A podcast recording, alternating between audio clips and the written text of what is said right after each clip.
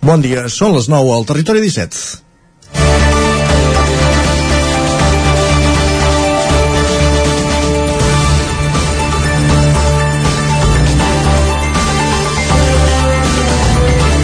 Ni sóc dona ni he tingut mai cap regla. És una obvietat, però que vagi per endavant. Si mai veig una companya o una dona en general recargolant-se de mal, primer li demanaré com es troba i seguidament, si és el cas, l'acompanyaré al metge. El motiu és el de menys, i si s'ha de quedar a casa a reposar, i demà serà un altre dia. Si aquesta dona és la regla qui li provoca aquests dolors incapacitants, també, val a dir-ho. Ahir la Maria López, la Susana Cabiscol i la Maria Costa reflexionaven al territori dona, que, al territori dona que segurament les regles, també podríem parlar dels parts, han fet que les dones tinguin un llindar més alt de resistència al dolor que els homes. Això no treu que quan no es pot, no es pot, i si fins ara s'ha suportat, no té per què continuar sent així. De vegades, entre tots plegats, ens hem fet dubtar per la lògica, però la lògica diu que les societats evolucionen. Qui hi haurà, que hi haurà qui utilitza la baixa menstrual com a instrument d'escaqueig? Segurament, com amb tot, però serà l'anècdota, i com a anècdota no cal elevar-la a la totalitat. Les baixes menstruals per regles incapacitants formen part de l'esborrany de la nova llei de l'avortament que s'ha aprovat aquest dimarts en primera lectura pel Consell de Ministres. D'entrada, menstruació i avortament no sembla que hagin d'anar sota el paraigua de la mateixa llei, però benvingut sigui. L'esborrany també preveu, per cert, entre d'altres mesures, que les dones de 16 i 17 anys puguin interrompre voluntàriament l'embaràs sense necessitat de cap permís dels tutors legals. Res a dir, però de l'IVA superreduït per als productes d'higiene femenina. Les societats avancen, però sempre queden serrells pendents. Queda camp per córrer. És dimecres, 18 de maig de 2022, comença el Territori 17 a la sintonia de Ràdio Cardedeu, Ona Codinenca, la veu de Sant Joan, Ràdio Vic, el 9 FM i el 9 TV. Territori 17, amb Isaac Moreno i Jordi Sunyer.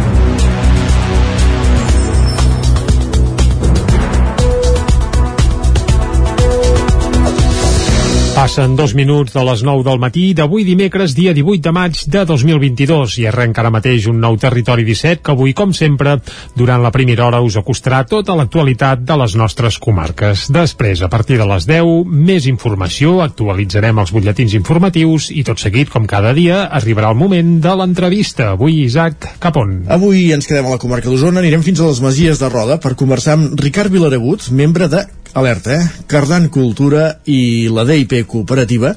Eh, Cardan Cultura és una iniciativa d'aquesta cooperativa conjuntament amb Anigami per desplegar diverses activitats culturals a partir d'ara a l'espai recuperat de Can Grau, una antiga fàbrica, com dèiem, de les Masies de Roda, del qual ja ens van fer ressò en el seu moment que, que adquiria Anigami, i per tant aquí ja hi ha un programa de desplegament d'activitat i en parlarem amb un dels seus impulsors, en Ricard Vilaragut, com dèiem, de la DIP Cooperativa. Cardan Cultura. El Així nom, mateix. el nom està bé. Exacte. Clar que sí, si érem una antiga fàbrica tèxtil on cardaven eh, no només en el sentit... Bé, ja ens entenem.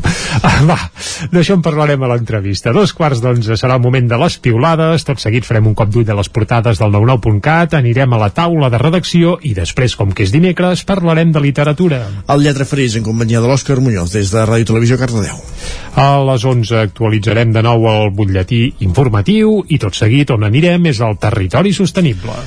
Correcte, amb en Jordi Givert des d'Ona Codinenca per parlar avui d'una altra de les activitats eh, tenint en compte de, que té en compte la sostenibilitat eh, al nostre territori. Sant Miquel d'Oló.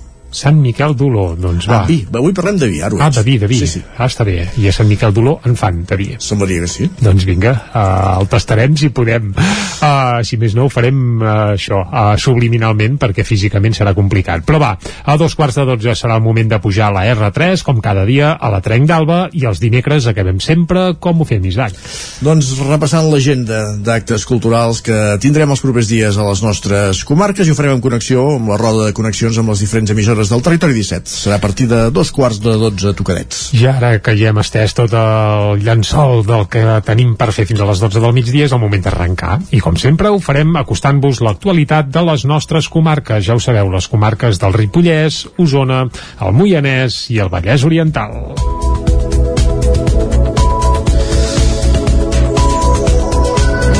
Avui és 18 de maig, ahir era 17, Dia Internacional contra l'LGTBI-fòbia, i ens fixarem ara en una de les moltes realitats d'aquest col·lectiu, les persones trans. Hem parlat amb una dona de 65 anys, la biguetana Fina Campàs, i un noi de 27, el santallenc, Àlex Font. Tots dos tenen dues experiències vitals molt diferents, però han patit discriminacions encara molt presents a la nostra societat. Escoltem en primer lloc a Àlex Font explicant com va ser el seu procés d'acceptació com a noi trans. Quan vaig veure que realment m'identificava com un noi això, jo pensava que era un, miqueta un bitxo raro, no? Perquè recordo haver vist pel·lícules de petit que vas com que es veia alguna cosa del tema però però com, semblava com molt irreal tot, com molt fictici i no va ser fins als 20 21 anys que vaig conèixer un altre noi trans que se'm va obrir un, un món de possibilitats no? Fina Campàs explica com al principi cada cop que es vestia de dona ho feia sempre en la clandestinitat. L'escoltem. Quan podia doncs agafava robes femenines i, i m'anava vestint que a més a més per acabar de, diguéssim, de, de veure'm més femenina m'anava al bany i agafava el, el pintallavis i, i per poder-me maquillar, que no, no en tenia ni idea, però bueno, feia el que podia. Prova, juga. I i ho feia amb la clandestinitat més exagerada, perquè si em haguessin descobert, vull dir, el pànic a mi era una cosa bestial, no? Vull dir que em haguessin pogut enganxar amb allò. Pel que fa a situacions de discriminació, tant Font com Campàs n'han viscudes, tot i que des de vessants diferents. Escoltem a Font i a Campàs. Situacions de discriminació, si a nivell social, algun cop amb alguna persona en concret, de que et parla en femení expressament perquè eh. sap que allò et, et, et farà mal exacte. però a nivell així general jo tinc l'avantatge aquest sap greu dir-ho que he guanyat tots els no, privilegis no, d'home no? no és cap greu, és, és precisament és el I és, que i és així, sí, llavors sí.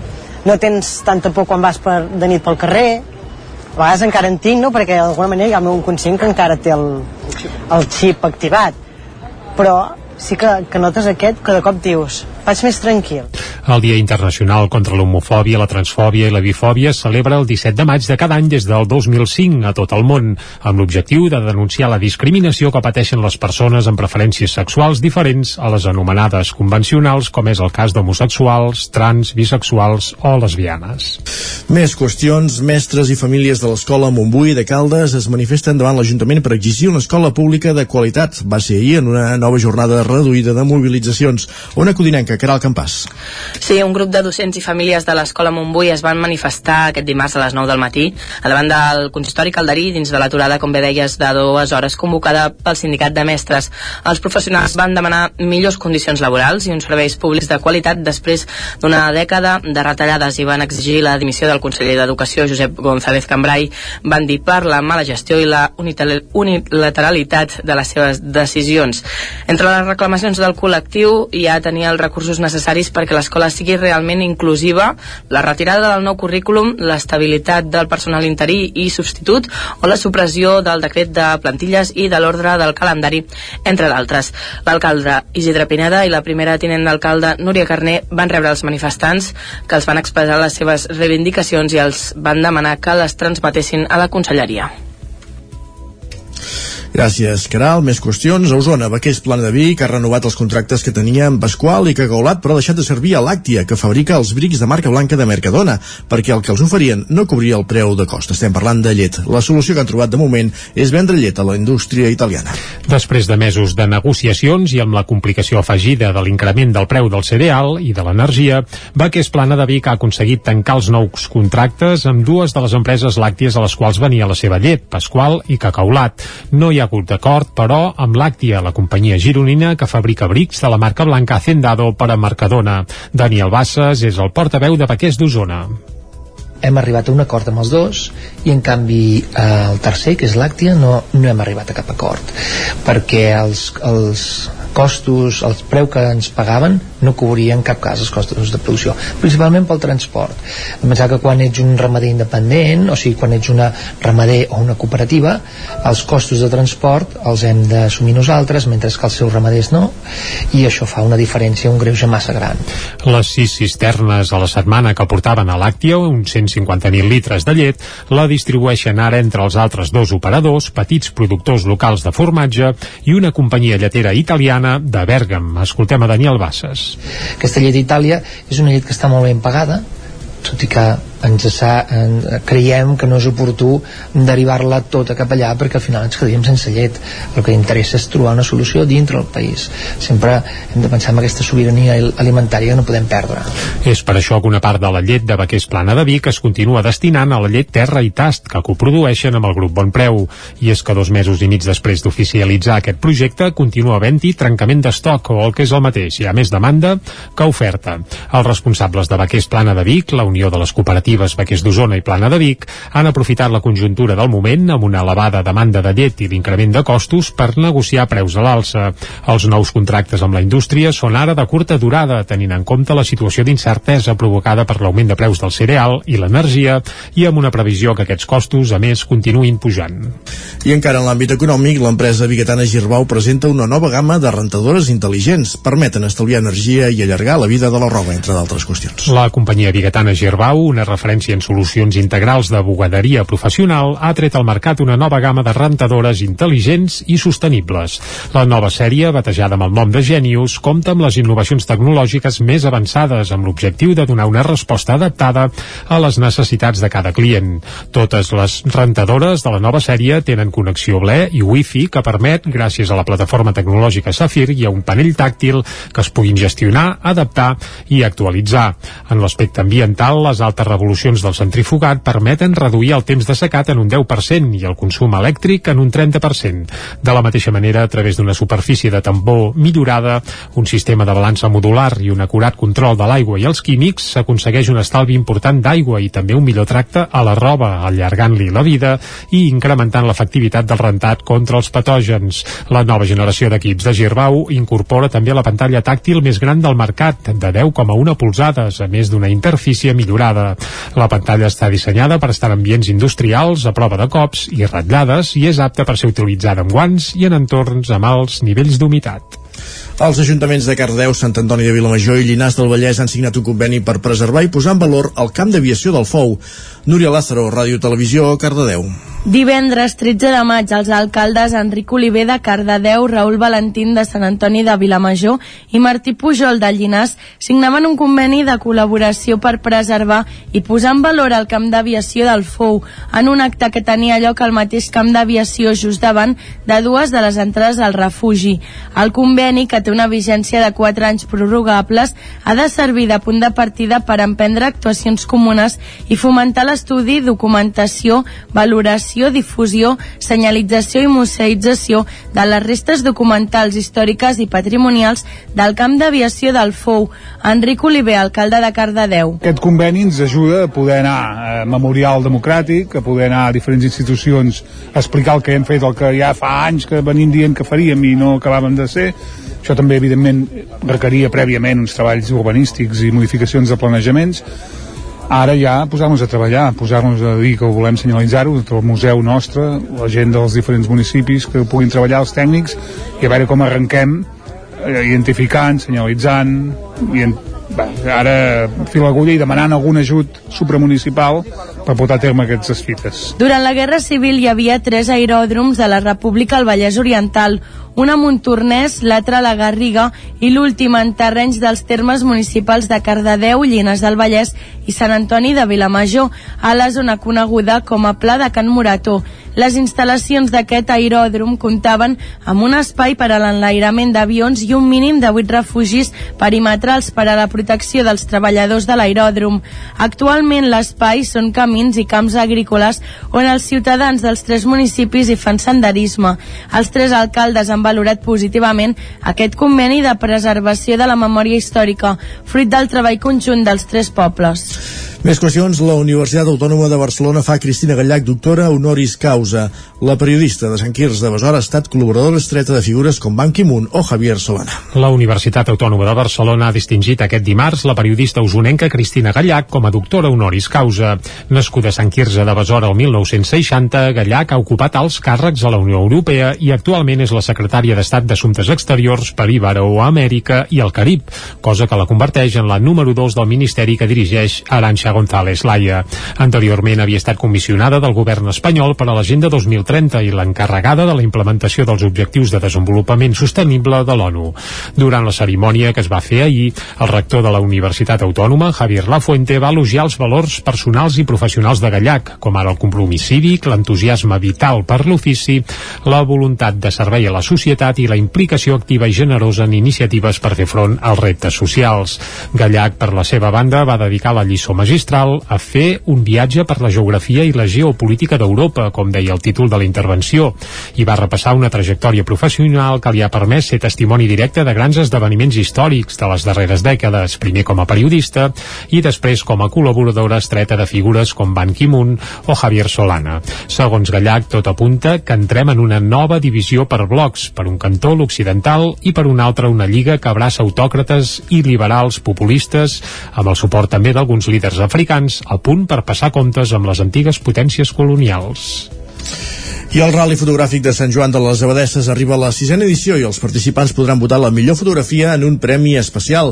La veu de Sant Joan, Isaac Muntades. El pròxim 11 de juny es disputarà la sisena edició del Rally Fotogràfic de Sant Joan, organitzat pel grup fotogràfic Abadeses, i que enguany repartirà nou premis en dues categories diferents. En la categoria d'adults, de persones de més de 15 anys, es repartiran quatre premis. Un per la millor sèrie, en què el guanyador s'embutxacarà 300 euros i tindrà l'honor d'inscriure el seu nom a la ferradura gegant, on s'hi recullen tots els vencedors des del 2017 2017. També hi haurà tres premis per cadascun dels temes que s'hagin de fotografiar, que incorporaran un lot de productes. A la categoria de nens hi haurà els mateixos premis, però en aquest cas es donarà una càmera Nikon Coolpix pel qui faci la millor sèrie. També es donarà una motxilla fotogràfica a la millor sèrie presentada per un soci. Com a novetat, s'enviarà un enllaç als participants amb totes les fotografies presentades i aquests podran votar la millor foto segons el seu criteri, sense votar-se ells mateixos. Si un mínim del 30% dels participants emet el seu vot, es farà una menció honorífica a l'autor de la fotografia. El president del grup fotogràfic Abadeses, David Fajula, va apuntar què suposarà donar aquest premi. Aquí tens dos valors. Un és que aquelles persones saben perfectament les condicions a les que han hagut de treballar. Que jo, per exemple, molts cops quan treballava de fotògraf anava a cobrir un partit d'hoquei, per exemple, i l'endemà jo el que m'agradava és mirar les dades diaris i dir, escolta, ells estaven allà a les mateixes hores perquè els veia treballar de costat, quines fotografies han fet ells i quines fotografies he fet jo. Jo crec que de cara als participants això és molt bo. Alhora també, per entendre què significa un concurs fotogràfic, quan el que fem és demanar als participants que emetin el seu vot, és també generar una mica d'empatia amb el jurat, perquè a vegades les coses no són tan senzilles, no? Ens veiem els fotos nostres i pensem que hem de guanyar nosaltres, però clar, a l'hora d'escollir la millor fotografia d'entre aquestes 200 uh, o 300, si ho vol Guibran, és molt més difícil. També hi haurà l'opció de portar un argument després, vull dir que a vegades no és tan tan senzill eh, d'escollir quines són les fotografies. El lema d'enguany és la fotografia torna a casa, ja que el rally es podrà fer sense restriccions i no des de diferents punts de Catalunya com el 2020. L'any passat va tenir 90 participants d'arreu de Catalunya i volen seguir augmentant el nombre. Com sempre, es donaran tres temes per fotografiar, que seran secrets fins al mateix dia de la competició i hi haurà un límit de temps de 12 hores per fer-les i entregar-les. Enguany hi haurà un tema molt innovador i dos de més evidents. El rally tindrà també un rerefons solidari i per cada inscripció que es faci es donarà un euro a la Fundació Carreres Imparables contra la leucèmia. Els concerts de Sun Mi Hong i com a saxo amb el contrabaixista suec Peter L han centrat el segon i últim cap de setmana del 24è Festival de Jazz de Vic, que va acabar diumenge amb una bona valoració per part dels organitzadors, la cluent davant a càrrec de Lluc Casares Septet. El saxofonista i clarinetista Lluc Casares, considerat un dels músics de jazz catalans més inquiets de l'escena actual, presentava el seu últim disc, Septet, en el concert que tancava diumenge el 24è Festival de Jazz de Vic. El treball està relacionat amb la seva tornada a casa després de dos anys vivint a Nova York.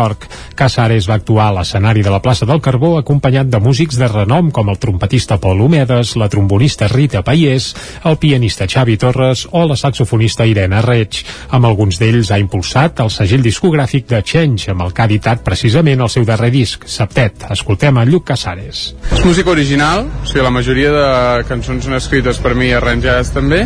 És dins del marc estètic del, del jazz, del, d'una corrent que podríem que de vegades se li diu straight ahead. És com, és com és jazz jazz. Però alhora és, jo crec que és molt fresc perquè és música original i és música pensada justament per aquesta gent i per, no sé eh, no, no, és, no és excessivament experimental però alhora no és gens conservadora el segon cap de setmana del Festival de Jazz de Vic va ser el dels grans noms internacionals. Hi van actuar la bateria coreana Sun Mi Hong i com a saxo amb el contrabaixista suec Peter Elp. Una recta final del certamen que ha confirmat la bona acollida de públic que ja havia tingut el primer cap de setmana amb l'arrencada del certamen. Ho detalla Jordi Casa de Sus, director artístic del Festival de Jazz. Jo crec que el primer cap de setmana sí que vam tindre un cap de setmana menys internacional, sí que vam tindre l'Inca Siers amb aquell concert que es va gravar en directe, que va anar molt bé, i aquest segon ha sigut el cap de setmana dels caps de cartell amb la Sunmi com a saxo que han sigut els, els grans noms del festival. Però l'escenari d'aquí fora també ha funcionat molt bé hem pogut tindre la Big Band amb tot el jove talent de la comarca i no, no, molt contents de com ha anat tot i de, dels grups, de la rebuda de la gent per tant molt contents. El festival que no ha deixat de fer-se en els dos anys de pandèmia sí que havia tingut, havia canviat volem dir de dates i s'havia adaptat a les restriccions.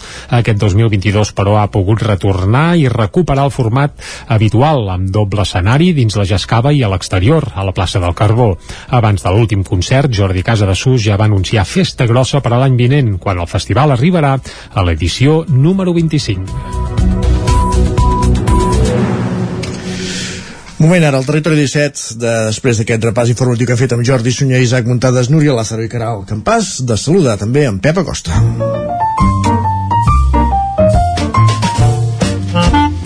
Casa Terradellos us ofereix el temps. Un Pep Acosta que cada dia ens porta la informació meteorològica, sembla que en, sense gaires canvis. Pep, bon dia. Hola, molt bon dia. I molt bona hora. Un dia més, aquí la informació meteorològica, puntual a la seva cita, i un dia més aquesta setmana, aquests últims dies, m'enllà molt de pressa, és que no hi ha cap canvi. Mm. Uh, la situació uh, és excepcional, diria jo, les temperatures mínimes entre els 15 i els 20 graus, ja partint de molt amunt les mínimes, eh, per tant és lògic que la calor sigui molt intensa als centrals del dia, i és que avui no hi haurà gairebé cap núvol, només alguna nuvolada a la tarda, eh, que pot deixar alguna petita gotellada cap a la zona d'Ull de Ter, molt poca cosa, si és que li va caure. Eh?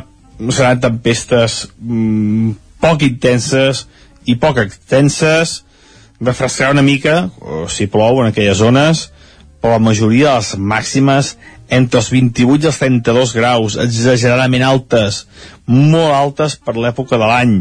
Vents febles de direcció sud i atenció a partir d'aquesta tarda, a partir de demà al matí, la pols en suspensió que es farà més evident, eh, la veurem molt més, eh, a part de la calor, a part de la contaminació que a més també tenim aquesta posa en suspensió que això encara augmentarà més aquesta sensació de calor, eh? encara serà un element més a tenir en compte eh, extraordinari el que està passant i és que els mapes no indiquen el contrari que els pròxims dies encara s'intensificarà més aquesta calor i ja no sé, no sé com, com anirem a, a parar eh?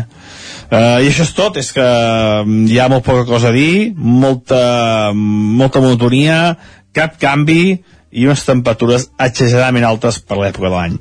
Moltes gràcies, adeu. Adéu, Pep, adéu. Bufa, uh, panorama apocalíptic, eh, gairebé. Avui ha estat breu i contundent, aquest home. Eh? Doncs va, uh, amb aquesta brevetat i contundència i amb calor anirem cap al quiosc. Som-hi, anem cap al quiosc. Casa Tarradellas us ha ofert aquest espai. Perquè és moment de conèixer què diuen avui els diaris a les seves portades. I comencem com a bon dimecres pel punt avui. Exacte, que té un titular, eh, allò a cinc columnes, Baltònic guanya. La justícia espanyola rep una derrota definitiva en la demanda d'extradició.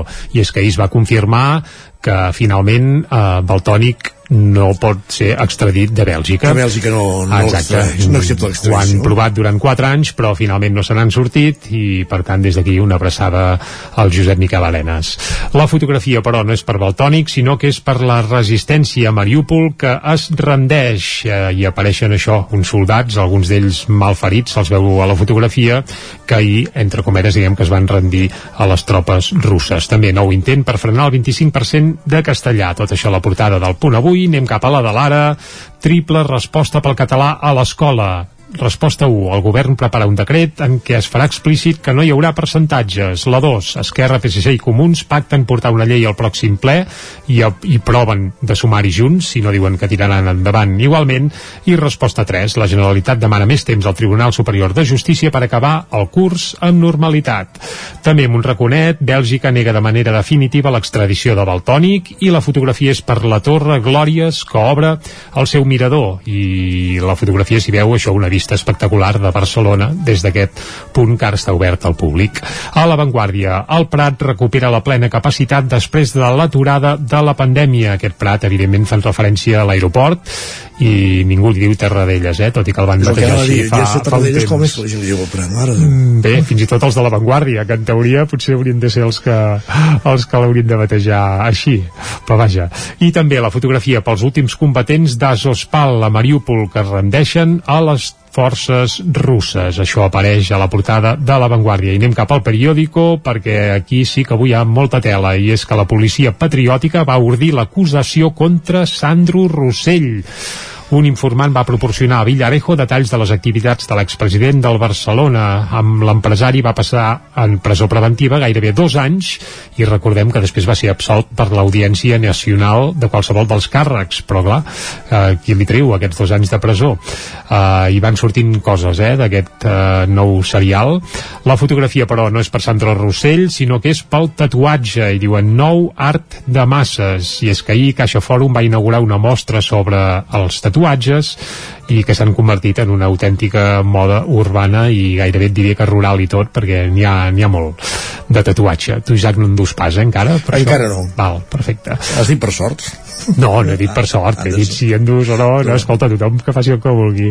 I ràpidament, va, anem a fer un cop d'ull a les portades que s'editen des de Madrid, on el tònic no apareix pas enlloc, això ja, per si algú en tenia dubtes, ja ho avancem nosaltres. Comencem per al país.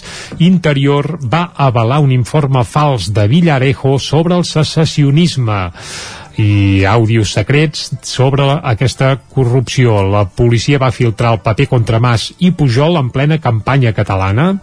Això apareix a la portada del País i també el comissari va avançar el seu propòsit al cap del gabinet del ministre. Per tant, en teoria, diguem que el ministre n'estava una mica al cas. També la caiguda de Mariúpol, la primera victòria de Putin a Ucraïna. Això a la portada del país. Anem cap al Mundo. Sánchez es volca amb Qatar en plena crisi de gas amb Algèria. Mm, i és que bé, ahir hi va haver un acord eh, entre Qatar i l'estat espanyol i sembla que aquesta amistat estratègica val 4.700 milions d'euros.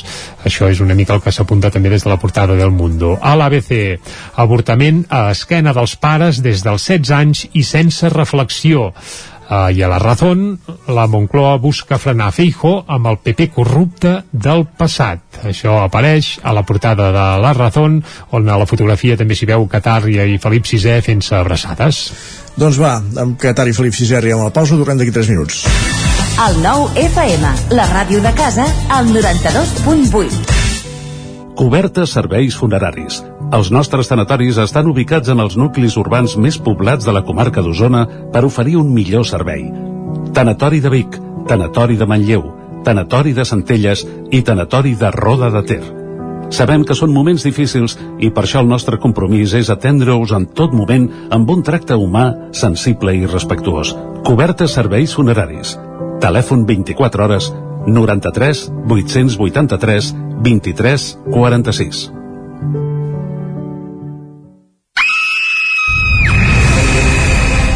Sherlock Holmes ha mort i Watson necessita la vostra ajuda per tornar enrere en el temps i trobar el punt exacte per salvar-lo del parany de Moriarty.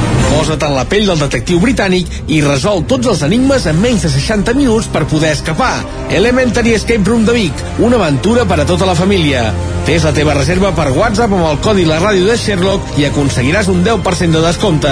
Ens trobaràs de dijous a diumenge al carrer de la Fusina 22 de Vic per telèfon i WhatsApp al 622 85 54 17 o elementary.cat. A El Racó de León ja és primavera. Gaudeix de la nostra terrassa. Vine a tastar les xuletilles de lechal a la brasa amb una bona amanida o el xuletón de vedella gallega. No et pots perdre el nostre lechado de Castilla al forn o el cochinillo a l'estil de Segovia. Tot acompanyat del millor celler, al menjador o fora la terrassa. Descobreix la millor cuina de Lleó sense moure't de casa. Vine amb la família, els amics, la parella o sol. T'encantarà. El racó de León, cuina tradicional lleonesa i de mercat. Som al carrer Torelló número 35 de Vic. Per reserves, telèfon 93 889 1950. El racó de León, una cuina diferent. El 28 de maig vine a viure el Dia Internacional de la Ceràmica al Keràmic, la festa d'experiència en fang de Sant Julià de Vilatorta. Des de les 10 del matí fins al migdia experimenta en fang amb tallers infantils i per adults. I a la tarda participa al Torneja't amb una masterclass de Jan Madrenes o apunta't a les visites guiades. També hi trobaràs mercats, exposicions, concursos de pintura i sketch crawl, un espai de food trucks o la trobada d'autocaravanes. Més informació a keramic.cat. El nou FM, la ràdio de casa, al 92.8. Anuncia't al 9 FM. La màquina de casa. 9 3 8 8 9 4 9 4 9. Publicitat arroba al 9fm.cat. Anuncia't al 9 FM. La publicitat més eficaç. El 9 FM, el 9 FM, el 9 FM, el 9 FM. En punt, dos quarts de deu, al territori 17. Territori 17, amb Isaac Moreno i Jordi Sunyer.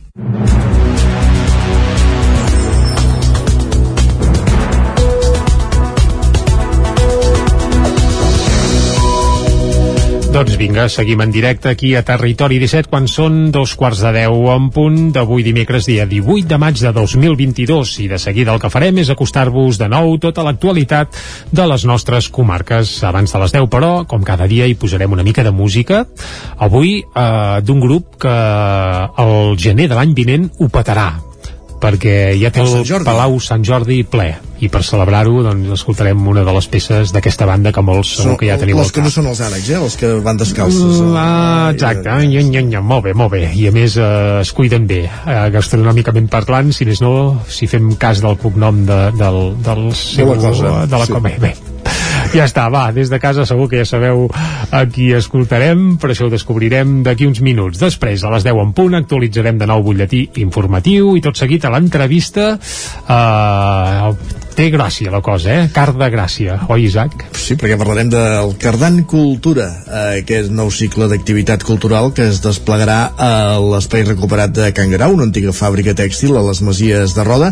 De tot plegat en parlarem amb un dels seus impulsors, en Ricard Vilaragut, en aquest cas amb el barret de la DIP Cooperativa, que conjuntament amb Marigami seran els encarregats de dinamitzar aquest espai. Doncs d'això en coneixerem més detalls durant l'entrevista. Dos quarts d'onze, el que arribarà és en Guillem Sánchez per fer un repàs a les piulades, farem un cop d'ull a les portades del 99.cat, anirem també a la taula de redacció i després, com que és dimecres, parlarem de literatura. I ho farem des de Ràdio Televisió Cardedeu en companyia de l'Òscar Muñoz, el Lletra Ferits. A les 11, més informació, actualitzarem butlletins informatius i tot seguit anirem al territori sostenible. Avui per parlar de vi, del que es fa a Sant Miquel d'Oló, amb en Jordi Givert, des d'Ona Codinenca. I a la darrera part del programa, doncs com sempre, a dos quarts de dotze serà el moment de pujar a la R3, a la Trenc d'Alba, i els dimecres acabem sempre de la mateixa manera, oi, Isaac? Exacte, fent un repàs a l'agenda cultural dels propers dies als diferents territoris del territori 17, valgui la redundància, en connexió amb les diferents emissores del territori 17, eh, com sempre, a partir de dos quarts de dotze. Doncs vinga, propostes de música, de teatre, per aquest proper cap de setmana, que sembla que, segons ens ha dit en Pep Acosta, serà Calorós. calorós. Per tant, també es pot anar dins d'un teatre, que s'està més fresquet, si han engegat Sí, l'aire ah, condicionat. el això, tema. això també. Amb el tema dels preus de l'energia algú ha mm. Bé, uh, queda dit. Molt bé. Doncs va, amb fresca o sense, nosaltres ara el que farem és acostar-vos de nou l'actualitat de les nostres comarques. Ja ho sabeu, les comarques del Vallès Oriental, el Moianès, Osona i el Ripollès. Avui és 18 de maig, ahir era 17, Dia Internacional contra la LGTBI-fòbia, i ens fixarem ara en una de les moltes realitats d'aquest col·lectiu, les persones trans. Hem parlat amb una dona de 65 anys, la biguetana Fina Campàs, i un noi de 27, el santallenc, Àlex Font. Tots dos tenen dues experiències vitals molt diferents, però han patit discriminacions encara molt presents a la nostra societat. Escoltem en primer lloc a Àlex Font explicant com va ser el seu procés d'acceptació com a noi trans. Quan vaig veure que realment m'identificava com un noi i això, jo pensava que era un, una miqueta un bitxo raro, no? Perquè recordo haver vist pel·lícules de petit que vegades com que es veia alguna cosa del tema però, però com, semblava com molt irreal tot, com molt fictici i no va ser fins als 20 21 anys que vaig conèixer un altre noi trans que se'm va obrir un, un món de possibilitats, no? Fina Campàs explica com al principi cada cop que es vestia de dona ho feia sempre en la clandestinitat. L'escoltem. quan podia doncs agafava robes femenines i, i m'anava vestint que a més a més per acabar de, diguéssim de, de veure'm més femenina m'anava al bany i agafava el, el pintallavis i, i per poder-me maquillar que no, no en tenia ni idea però bueno, feia el que podia Prova, juga. i i ho feia amb la clandestinitat més exagerada, perquè si em haguessin descobert, vull dir, el pànic a mi em, era una cosa bestial, no? Vull dir que em haguessin pogut enganxar amb allò. Pel que fa a situacions de discriminació, tant Font com Campàs n'han viscudes, tot i que des de vessants diferents. Escoltem a Font i a Campàs. Situacions de discriminació, si a nivell social, algun cop amb alguna persona en concret, de que et parla en femení expressament perquè eh. sap que allò et, et, et farà mal. Exacte. Però a nivell així general jo tinc l'avantatge aquest sap greu dir-ho que he guanyat tots els no, no, privilegis d'home no? és cap greu, és, és precisament és el I que ha de... i és així, sí, llavors sí. no tens tanta por quan vas per, de nit pel carrer a vegades encara en tinc, no? perquè d'alguna manera hi ha el meu inconscient que encara té el, el xip activat però sí que, que notes aquest que de cop dius vaig més tranquil el Dia Internacional contra l'Homofòbia, la Transfòbia i la Bifòbia es celebra el 17 de maig de cada any des del 2005 a tot el món, amb l'objectiu de denunciar la discriminació que pateixen les persones amb preferències sexuals diferents a les anomenades convencionals, com és el cas d'homosexuals, trans, bisexuals o lesbianes. Més qüestions. Mestres i famílies de l'escola Montbui de Caldes es manifesten davant l'Ajuntament per exigir una escola pública de qualitat. Va ser ahir en una nova jornada reduïda de mobilitzacions. Una codinenca, Caral Campàs. Sí, un grup de docents i famílies de l'Escola Montbui es van manifestar aquest dimarts a les 9 del matí a davant del consistori Calderí dins de l'aturada, com bé deies, de dues hores convocada pel sindicat de mestres. Els professionals van demanar millors condicions laborals i uns serveis públics de qualitat després d'una dècada de retallades i van exigir la dimissió del conseller d'Educació, Josep González Cambrai. Van dir per la mala gestió i la unilateralitat de les seves decisions. Entre les reclamacions del col·lectiu hi ha tenir els recursos necessaris perquè l'escola l'escola sigui realment inclusiva, la retirada del nou currículum, l'estabilitat del personal interí i substitut o la supressió del decret de plantilles i de l'ordre del calendari, entre d'altres. L'alcalde Isidre Pineda i la primera tinent d'alcalde Núria Carné van rebre els manifestants que els van expressar les seves reivindicacions i els van demanar que les transmetessin a la conselleria. Gràcies, Caral. Més qüestions. A Osona, Baquers Plana de Vic ha renovat els contractes que tenia amb Pasqual i Cagaulat, però ha deixat de servir a Làctia, que fabrica els brics de marca blanca de Mercadona, perquè el que els oferien no cobria el preu de cost. Estem parlant de llet. La solució que han trobat de moment és vendre llet a la indústria italiana. Després de mesos de negociacions i amb la complicació afegida de l'increment del preu del cereal i de l'energia, Baquers Plana de Vic ha aconseguit tancar els nous contractes amb dues de les empreses làcties a les quals venia la seva llet, Pasqual i Cacaulat. No hi ha hagut d'acord, però, amb Làctia, la companyia gironina que fabrica brics de la marca blanca Hacendado per a Mercadona. Daniel Bassas és el portaveu de Paquers d'Osona hem arribat a un acord amb els dos i en canvi el tercer, que és l'Àctia, no, no hem arribat a cap acord perquè els, els costos, els preu que ens pagaven no cobrien en cap cas els costos de producció, principalment pel transport. A pensar que quan ets un ramader independent, o sigui, quan ets una ramader o una cooperativa, els costos de transport els hem d'assumir nosaltres, mentre que els seus ramaders no, i això fa una diferència, un greuge massa gran. Les sis cisternes a la setmana que portaven a l'Àctia, uns 150.000 litres de llet, la distribueixen ara entre els altres dos operadors, petits productors locals de formatge i una companyia lletera italiana de Bèrgam. Escoltem a Daniel Bassas.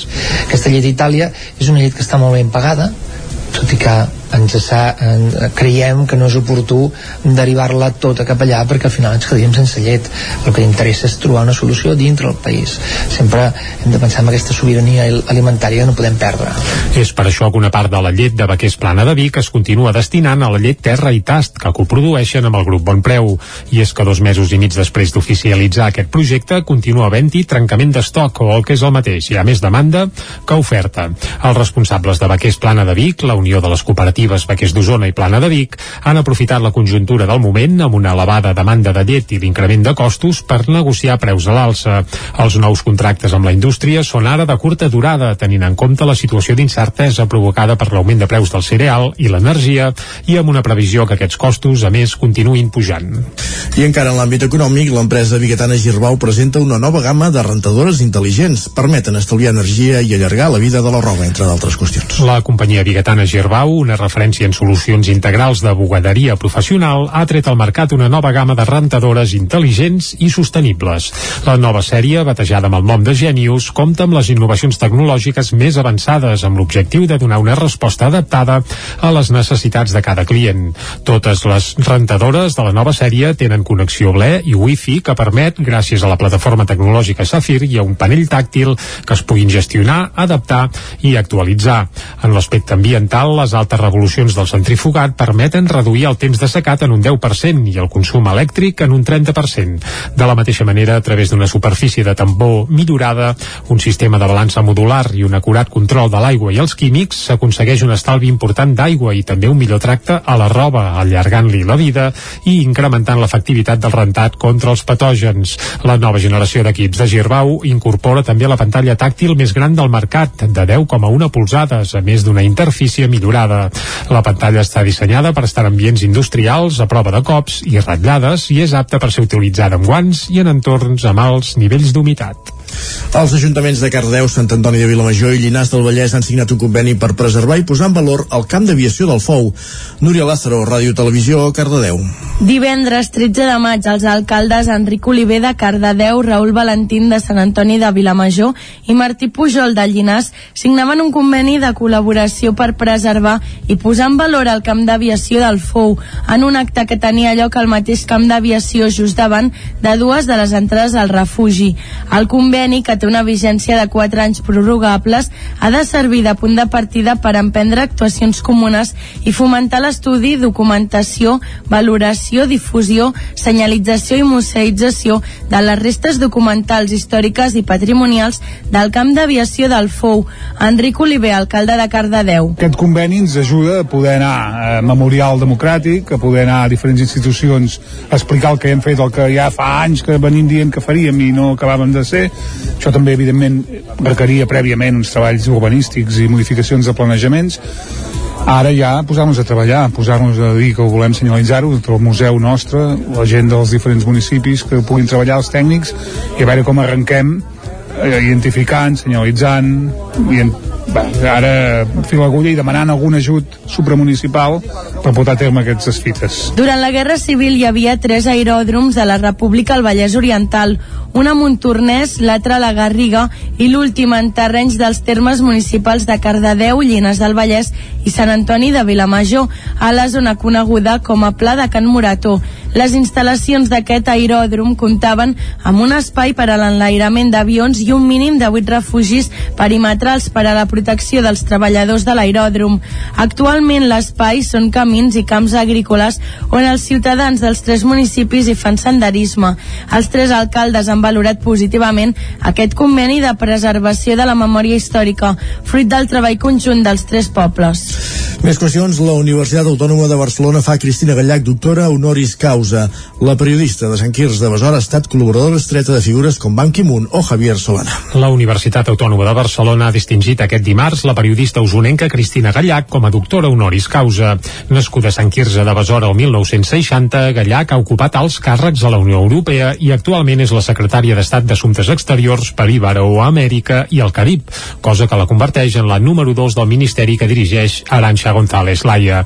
Anteriorment havia estat comissionada del govern espanyol per a l'Agenda 2030 i l'encarregada de la implementació dels Objectius de Desenvolupament Sostenible de l'ONU. Durant la cerimònia que es va fer ahir, el rector de la Universitat Autònoma, Javier Lafuente, va elogiar els valors personals i professionals de Gallac, com ara el compromís cívic, l'entusiasme vital per l'ofici, la voluntat de servei a la societat i la implicació activa i generosa en iniciatives per fer front als reptes socials.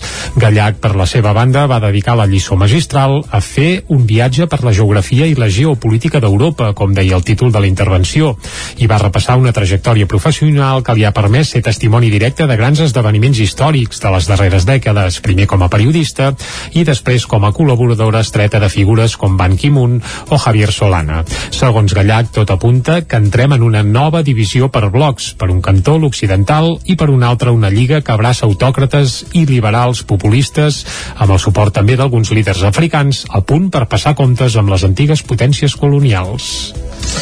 I el Rally Fotogràfic de Sant Joan de les Abadesses arriba a la sisena edició i els participants podran votar la millor fotografia en un premi especial.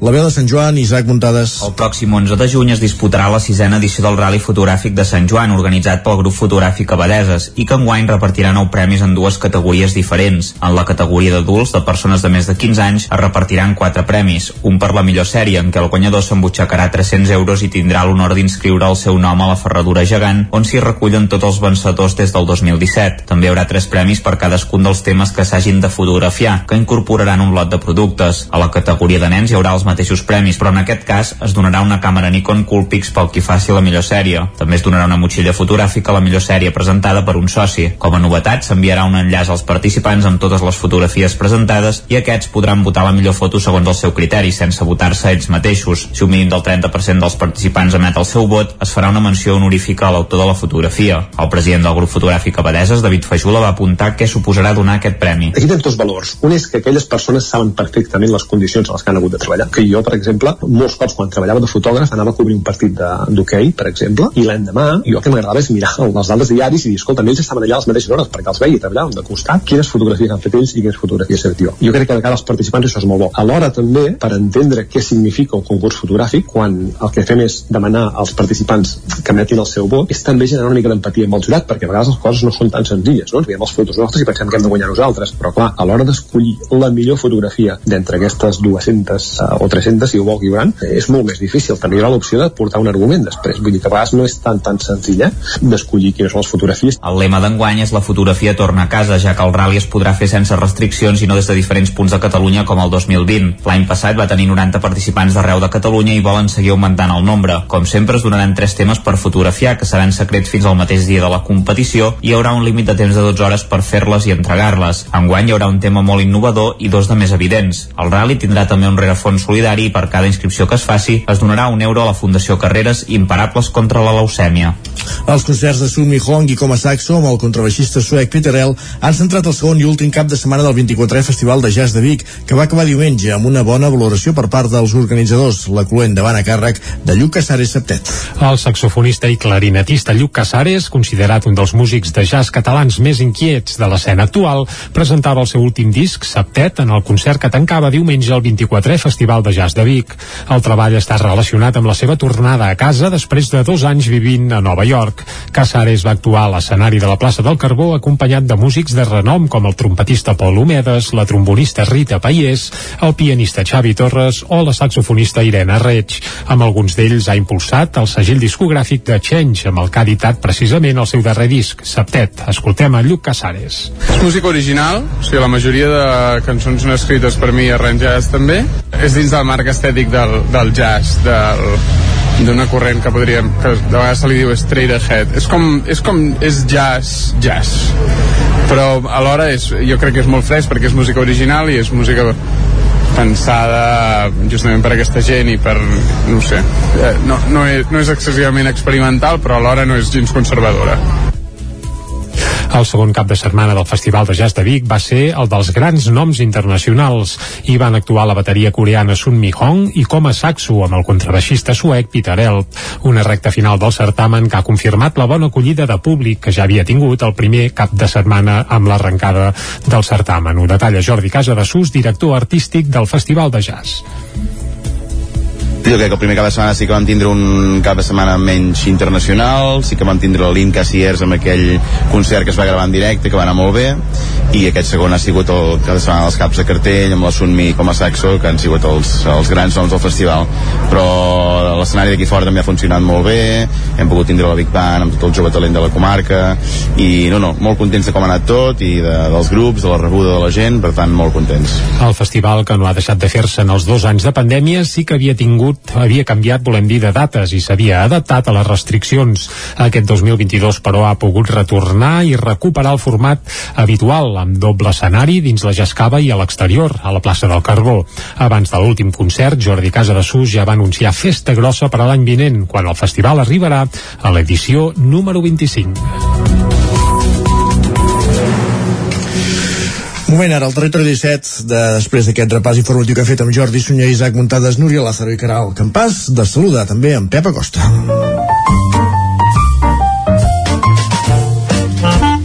Casa Terradellos us ofereix el temps. Pep Acosta que cada dia ens porta la informació meteorològica, sembla que en, sense gaires canvis. Pep, bon dia. Hola, molt bon dia. I molt bona hora. Un dia més, aquí la informació meteorològica, puntual a la seva cita, i un dia més aquesta setmana, aquests últims dies, m'enllà molt de pressa, és que no hi ha cap canvi. Mm. Uh, la situació uh, és excepcional, diria jo, les temperatures mínimes entre els 15 i els 20 graus, ja partint de molt amunt les mínimes, uh, per tant és lògic que la calor sigui molt intensa als centrals del dia, i és que avui no hi haurà gairebé cap núvol, només alguna nuvolada de tarda, eh, que pot deixar alguna petita gotellada cap a la zona d'Ull de Ter, molt poca cosa, si que arriba a caure, eh? seran tempestes mm, poc intenses i poc extenses, refrescarà una mica, o si plou en aquelles zones, però la majoria de les màximes entre els 28 i els 32 graus, exageradament altes, molt altes per l'època de l'any. Vents febles de direcció sud i atenció a partir d'aquesta tarda a partir de demà al matí la pols en suspensió que es farà més evident eh, la veurem molt més eh, a part de la calor a part de la contaminació que a més també tenim aquesta pols en suspensió que això encara augmentarà més aquesta sensació de calor, eh? encara serà un element més a tenir en compte eh, extraordinari el que està passant i és que els mapes no indiquen el contrari, que els pròxims dies encara s'intensificarà més aquesta calor i ja no sé, no sé com, com anirem a, a parar, eh? Uh, I això és tot, és que mm, hi ha molt poca cosa a dir, molta, molta monotonia, cap canvi i unes temperatures exageradament altes per l'època de l'any. Moltes gràcies, adeu. Adéu, Pep, adéu. Bufa, uh, panorama apocalíptic, eh, gairebé. Avui ha estat breu i contundent aquest home, eh? Doncs va, uh, amb aquesta brevetat i contundència i amb calor anirem cap al quiosc. Som-hi, anem cap al quiosc. Casa Tarradellas us ha ofert aquest espai. Perquè és moment de conèixer què diuen avui els diaris a les seves portades. I comencem com a bon dimecres pel punt avui. Exacte, que té un titular, eh, allò a cinc columnes, Baltònic guanya.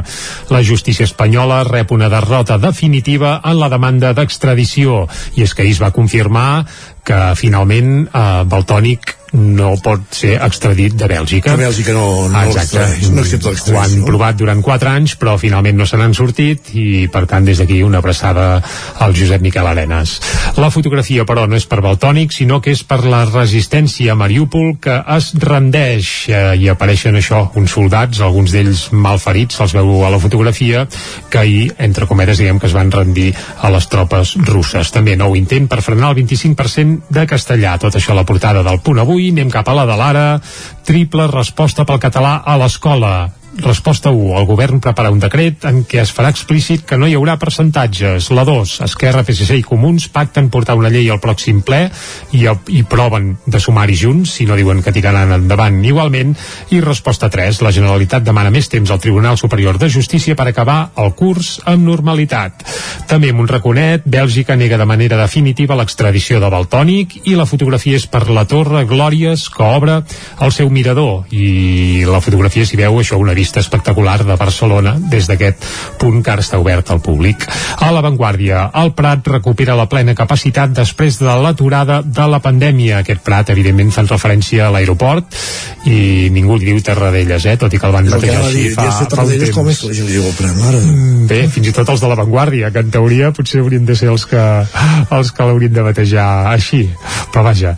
I també la fotografia pels últims combatents d'Azospal a Mariúpol que rendeixen a les forces russes. Això apareix a la portada de La Vanguardia. I anem cap al periòdico perquè aquí sí que avui hi ha molta tela i és que la policia patriòtica va ordir l'acusació contra Sandro Rossell.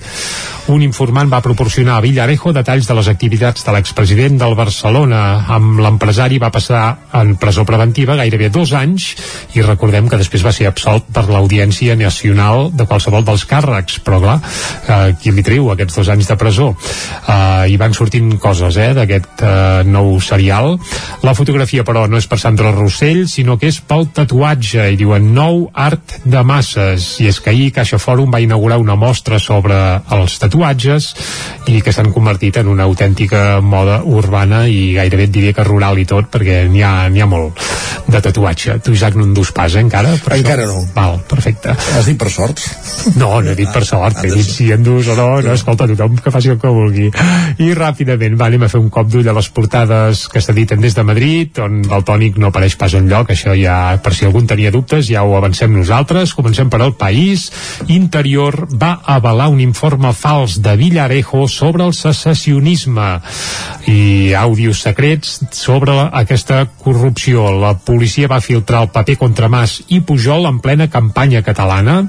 Això apareix a la portada del país i també el comissari va avançar el seu propòsit al cap del gabinet del ministre. Per tant, en teoria, diguem que el ministre n'estava una mica al cas. També la caiguda de Mariúpol, la primera victòria de Putin a Ucraïna. Això a la portada del país. Anem cap al Mundo. Sánchez es volca amb Qatar en plena crisi de gas amb Algèria. Mm, I és que bé, ahir hi va haver un acord eh, entre Qatar i l'estat espanyol i sembla que aquesta amistat estratègica val 4.700 milions d'euros. Això és una mica el que s'apunta també des de la portada del Mundo. A l'ABC, avortament a esquena dels pares des dels 16 anys i sense reflexió. Uh, I a la Razón, la Moncloa busca frenar Feijo amb el PP corrupte del passat. Això apareix a la portada de la Razón, on a la fotografia també s'hi veu Qatar i Felip VI fent-se abraçades. Avortament esquena dels pares i sense reflexió. Mare de Déu senyor. Eh, Això sí que és viure lluny del món, no? Una mica, en fi, és igual. Es nota que està escrit per mascles i a més de, des d'una òptica que evidentment no compartim i que de vegades, segons des de quins mitjans, és que, bé, diguem, què escrius i ja et diré de quin peu calces, que en aquest sentit de vegades és sí, sí, no, és una cosa sí, sí. Què hi farem? Va. Visca la caspa o no? Uh, el que farem és despertar-nos, treure, ens traurem la son de les orelles i celebrarem que ahir uh, Oques Grasses, ja podem dir el nom en majúscules, els usonencs Oques Grasses ahir van omplir el Palau Sant Jordi, però no és que l'omplissin ahir perquè hi toquessin ahir, sinó que, atenció, la gira que estan fent per celebrar el seu desè aniversari s'acabarà el proper dia 28 de gener de 2023 i eh, per acabar, per cloure aquesta gira, el que faran és fer un concert al Palau Sant Jordi de Barcelona. I ahir van exaurir les entrades, però és que no fan allò que a vegades, és a dir, hi ha grups que van al Palau Sant Jordi i l'aforament el redueixen a 7 o 8.000 entrades perquè posen l'escenari mig Palau i després hi ha altres grups que posen l'escenari al cul del Palau i per tant hi ha més de 17.000 entrades a la venda. Doncs aquest és el cas d'Oques Grasses, que serà el primer grup que canta en català nascut al segle XXI, Sopa de Cabra ho havia fet, eh? això també s'ha de, de dir.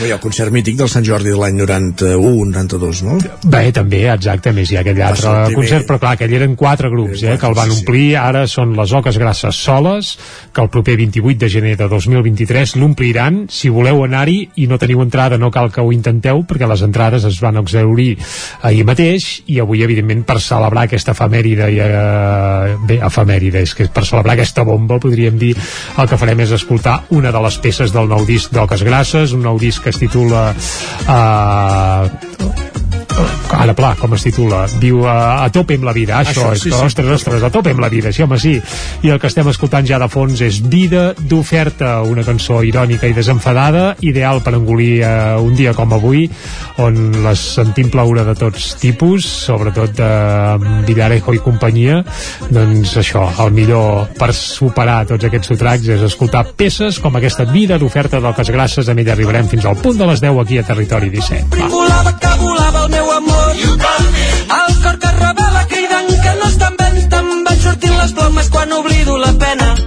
Sóc un ocell, sóc un ocell a terra El cap als núvols i els peus plens de merda. Sóc un ocell, sóc un ocell a terra. No puc anar més avall, no tinc res a perdre. La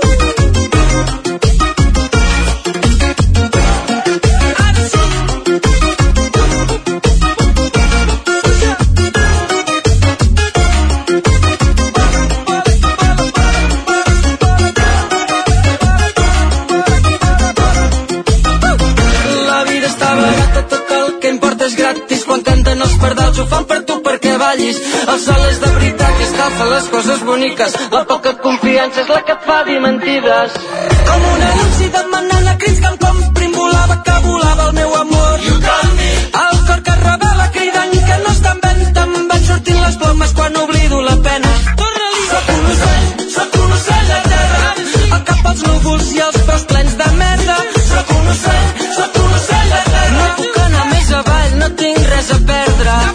Soc un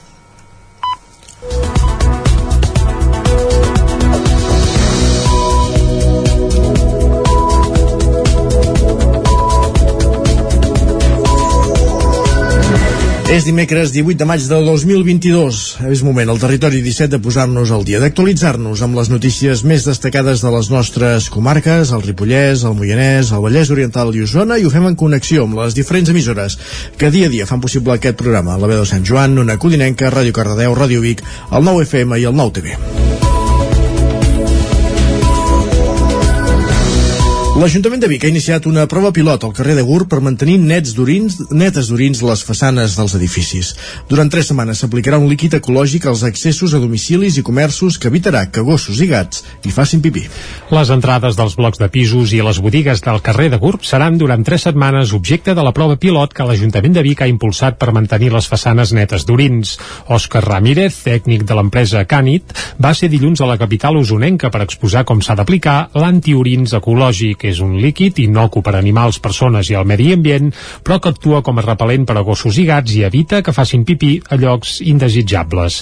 Un pas més cap a la tinença responsable dels animals, ho remarca Bet Franquesa, que és la regidora de Convivència i Seguretat de l'Ajuntament de Vic. A Vic tenim comptabilitzats uns 4.000 gossos, eh? estem parlant de que hi ha una població de 4.000 gossos, llavors el que amb aquesta campanya pretenem és eh, trobar aquells incívics, que de fet és una campanya que ja portem temps amb Guàrdia Urbana i agents cíviques treballant-hi, El concentrat, que s'ha de dissoldre amb aigua, s'aplicarà una vegada al dia al llarg del carrer de Gurb durant tres setmanes. També es repartirà entre els primers 200 ciutadans que ho sol·licitin. Escoltem el tècnic de l'empresa Canit explicant el funcionament d'aquest concentrat. Aquest producte és un concentrat que després es dilueix amb, amb aigua que eh, nosaltres no detectem però té una olor que eh, els, els gossos i els gats no els hi agrada i llavors evita que eh, els animals puguin orinar on hi ha aquest olor. Vale? Recordeu que els, els animals normalment utilitzen l'orina com una marca i marquen allà on hi ha orines d'altres gossos llavors si no detecten aquesta olor i a més a més eh, la façana fa una olor que no els hi agrada evitem d'aquesta manera que els gossos i els gats orinin en aquesta part. La iniciativa sorgeix de les peticions veïnals i dels comerciants del carrer, farts de conviure amb les deposicions dels animals a les portes de casa seva. L'any passat, els agents cívics de Vic van fer 5.724 actuacions. D'aquestes, el 16,5% estaven relacionades amb les deposicions i orins d'animals domèstics a la via pública. En total es van tramitar expedients a 46 persones que no van recollir les femtes de les mascotes a l'espai públic. Més qüestions. El Tribunal Suprem ha rebutjat un recurs presentat des de la diòcesi de Terrassa i d'aquesta manera diu que la plaça Sorell de Caldes de Montbui és definitivament de titularitat pública. On que Caral Campàs? La plaça Pau Sorell, situada darrere de l'església de Santa Maria, al centre de Caldes de Montbui, és una zona de titularitat pública. Així ho ha determinat el Tribunal Suprem espanyol, que ha rebutjat el recurs de secessió interposat per la diòcesi de Terrassa, que fa quasi una dècada que reclama la titularitat d'aquest espai. Aquesta decisió tanca així el procés judicial i determina determina que la plaça és definitivament pública. D'aquesta manera s'acaba un litigi que va arrencar el 2014 quan la diòcesi de Terrassa va immatricular la plaça, és a dir, la va inscriure per primer cop al registre de la propietat. Ho va fer a través de la reforma de la llei hipotecària de 1998 impulsada pel govern del PP que permetia a l'Església inscriure com a propis espais de culte que no estiguessin registrats. L'Ajuntament de Caldes se'n va donar quan va anar a negociar amb la parròquia els preus d'una expropiació per instal·lar un ascensor d'accés als banys termals al safareig i van veure que els metres quadrats disponibles no coincidien amb els que calia expropiar. A partir d'allà i durant aquests 20 anys la diòcesi s'ha anat trobant amb diverses eh, negatives als tribunals. Primer va ser el jutjat número 6 de Granollers, el 2018, que va admetre que la plaça havia arribat a ser el cementiri de l'Església, però va argumentar que la diòcesi hauria renunciat als drets originaris de l'espai. Després va ser l'Audiència Provincial de Barcelona, el 2019, que va desestimar el recurs d'apel·lació presentat per la institució eclesiàstica. Davant d'això, la diòcesi va presentar el recurs de cessació al Tribunal Suprem, que ha tornat a tombar els arguments de l'Església, aquest cop definitivament. Gràcies, Caral. Més qüestions. Un estudi de la Universitat de Vic alerta que els joves d'Osona fumen i veuen per primer cop abans dels 14 anys. Un de cada quatre adolescents, a més, estaria fent un consum de risc pel que fa a les begudes alcohòliques i un de cada 10 de nois reconeix haver patit bullying. A l'estiu i entre els 14 i els 15 anys, una celebració especial, l'oportunitat de provar alcohol i tabac i la curiositat de fer-ho. Aquest és l'escenari que dibuixen tres noies i un noi de tona d'entre 17 i 23 anys quan recorden la seva primera experiència bevent i fumant. I la seva experiència coincideix de ple amb les dades recollides a través del projecte d'Escohort, un estudi liderat per la Universitat de Vic, Universitat Central de Catalunya, i que ha suposat un punt d'inflexió en l'anàlisi de la salut pública dels adolescents i joves de la vegueria.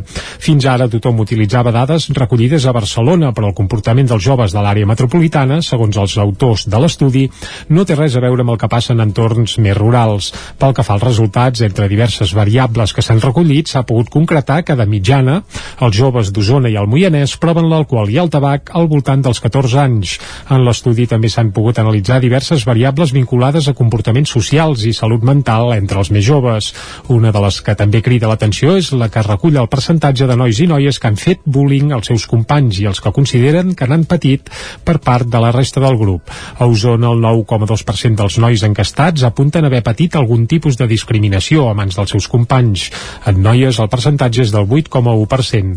Pel que fa als joves que reconeixen haver fet bullying, ho apunten al 7,2% dels nois i al 2% de les noies. 19 anys després, la cineasta i fotògrafa cardedeuenca Alba Morera torna al poble des dels Estats Units per explicar la seva experiència treballant a Hollywood. Núria Lázaro, Ràdio Televisió, Cardedeu. Parla de la intimitat professional dins d'un set de rodatge. Crear vincles amb la persona que està a l'altra banda de la càmera és un dels focus de l'artista Alba Morera, cineasta i fotògrafa, que explicava ahir dimarts a l'Aula de Cultura la seva feina dins del món del cinema, després de treballar durant 19 anys a Hollywood, Alba Morera. A l'hora de treballar en un rodatge tant, tant de cinema com de, bueno, si faig un, de fotos, um, jo crec que la màgia es dona quan tens una capacitat d'estar molt present i anar més enllà de la zona de confort, no? Llavors, uh, perquè hi hagi aquesta confiança amb tots els col·laboradors, ja sigui els actors o siguin d'altres, doncs uh, aquest espai és clau. La pandèmia va frenar les vides i va provocar canvis canvis en el fer i en el ser de les persones i també en el de l'Alba, que havent marxat de jove als Estats Units va decidir tornar al seu poble a Cardedeu i començar a emprendre aquí una nova vida, dirigint el seu primer llargmetratge de ficció que es titularà Torna amb la vida i en el que ha rebut l'ajuda de la coreògrafa Marta Carrasco per entrellaçar la història. Alba Morera. He dirigit molts projectes tant de videoclips com de bueno, curtmetratges, de vídeos promocionals, projectes diversos, documentals també, però de ficció tinc, tinc bueno, és que tres llargmetratges, uh, un dels quals vam estar diverses vegades a punt de fer-lo, un inversor es va fer endarrere, ja teníem uh, actors uh, allò en, en connexionats al projecte i bueno, passen mil i una coses. I aquest també el vaig escriure el 2017, eh, o sigui que ara l'he recuperat i l'he adaptat aquí, um, però crec que és molt rellevant en aquests moments i ha tirat endavant. I sí, serà el meu primer uh, com a directora de, de ficció i de narratiu, que li diuen allà. Dimarts vinent al Teatre Auditori rebrà una nova sessió d'aula de cultura amb l'Ariadna Saeb per parlar de salut mental després de la pandèmia. Gràcies, Núria. Més qüestions. Encara en pàgina cultural, Ocos Grasses exaureix les entrades del concert del desè aniversari al Palau Sant Jordi de Barcelona, quan encara falta mig any per la cita. L'espectacle titulat La gent que estimo tindrà lloc el 28 de gener a l'emblemàtic escenari barceloní. Usonencs Oques Grasses han exaurit les 17.000 entrades del concert que faran per celebrar el seu desè aniversari al Palau Sant Jordi de Barcelona, quan falta encara més de mig any perquè tingui lloc l'actuació. El conjunt usonenc es transforma així en el primer de música cantada en català nascut al segle XXI que ocupa tot l'aforament permès a l'escenari barceloní, segons expliquen els mateixos responsables de l'esdeveniment. La parada al Palau de la gent que estimo es farà el 28 de gener del 2023. Serà al final final d'una gira que encara ha de passar pel Festival Respira del Carràs, el 4 de juny, el Cobro Rock de Vic, el 10 de juny, el Canet Rock, el 2 de juliol, el Xar Festival de Barcelona, el 17 de juliol, els Sons del Món de Roses, el 31 de juliol, el Tarragona Music Festival, el 5 d'agost. La gent que estimo és el títol d'una de les cançons més destacades del seu darrer disc, A topi amb la vida. Per al concert al Palau Sant Jordi, que també celebrarà els cinc discos d'estudi que la banda ha publicat durant la seva trajectòria, s'ha dissenyat una escenografia i un repertori especialment fet per a l'ocasió. Després del que serà l'últim concert de la gira, la banda també ha anunciat que encetarà una pausa indefinida per preparar noves cançons. La gira d'aquest darrer disc va començar el 30 de gener a les festes desenals de la Mare de Déu de la Candela de Valls i a més dels concerts que ja hem citat també farà parada a l'Estartit, al Canet Rock de Mallorca i al Menorca Music Festival que es farà al Mercadal el 13 d'agost. I l'agrupació sardanista de Sant Joan de les Abadesses rep el guardó M per la trajectòria i celebració dels 25 anys de Ciutat Pobilla de la Sardana. La veu de Sant Joan, Isaac Muntades. L'agrupació sardanista de Sant Joan de les Abadeses està d'enhorabona aquests dies i és que aquest passat cap de setmana van rebre el guardó M de Barcelona en la categoria de col·lectiu o entitat, el premi que entrega la secció local del grup d'Esquerra Republicana des de fa 5 anys. Assumpta Roura, presidenta de l'associació, va dir que els hi feia molta il·lusió rebre aquest reconeixement, que considera merescut per la trajectòria de l'entitat. L'agrupació sardanista va fundar l'any 1975 per sota el paraigües d'altres noms, existeix des de principis del segle XX. Així ho explicava. Mirant el llibre de la ciutat Provilla, que hi ha tota la història de la sardana, el 1909 ja hi havia colla sardanista, vull dir aquí Sant Joan, que ja es va fer el primer concurs de colla sardanista. I llavors, doncs, a partir d'aquí ja hi van haver entitats amb diferents noms, eh, sí que es va parar per la guerra, però amb diferents noms sempre hi ha hagut l'entitat que, que han organitzat les sardanes. Per tant, penso que venim de molts anys. El que fem nosaltres només és recollir tot, tot el que ells van començar i, i anar continuant. Roura va apuntar que a Sant Joan hi ha molta gent que ve a escoltar les sardanes quan es fan el passeig com de Guifré, però que els balladors solen venir d'altres pobles. Per tal que més gent vingui a veure les sardanes, les colles sardanistes de la comarca se solen posar d'acord perquè no coincideixin les ballades. Per exemple, per Sant Joan se solen ballar sardanes a Sant Joan, però com que a Camprodon coincideix amb la festa major de Sant Patllari, es van passar el diumenge. Per tal d'ensenyar els trucs de les sardanes, l'associació sardanista també ha impulsat un curset per aprendre a comptar i repartir sardanes, que va començar aquest dimarts al Casal Social Jaume Nonó. Es farà cada dimarts fins al 17 de juny de dos quarts de set a dos quarts de vuit de la tarda. Enguany, l'entitat també celebrarà el 25è aniversari de la proclamació de Sant Joan com a ciutat pobilla de la Sardana l'any 1997. La celebració serà el 28 de maig, amb Parlament a l'Ajuntament al matí i una audició al passeig Comte Guifré dels Mongrins a la tarda. Gràcies, Isaac. Amb aquesta crònica de l'Isaac Muntades acabem aquest butlletí informatiu que començàvem a les 10 amb Jordi Sunyer, que era el Campàs, i Núria Lázaro també. Moment ara de conèixer la previsió del temps.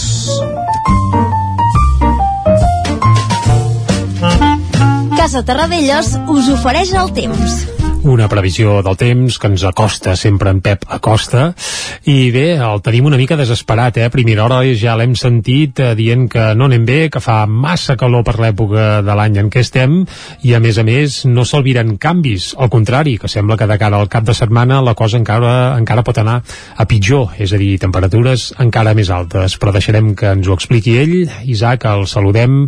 Uh, bon dia Pep, de nou. Hola, molt bon dia. I bona hora. Uh, la situació uh, és excepcional, diria jo les temperatures mínimes entre els 15 i els 20 graus, ja partint de molt amunt les mínimes, eh, per tant és lògic que la calor sigui molt intensa als centrals del dia, i és que avui no hi haurà gaire cap núvol, només alguna nuvolada a la tarda, eh, que pot deixar alguna petita gotellada cap a la zona de Ter, molt poca cosa, si és que li va caure. Eh?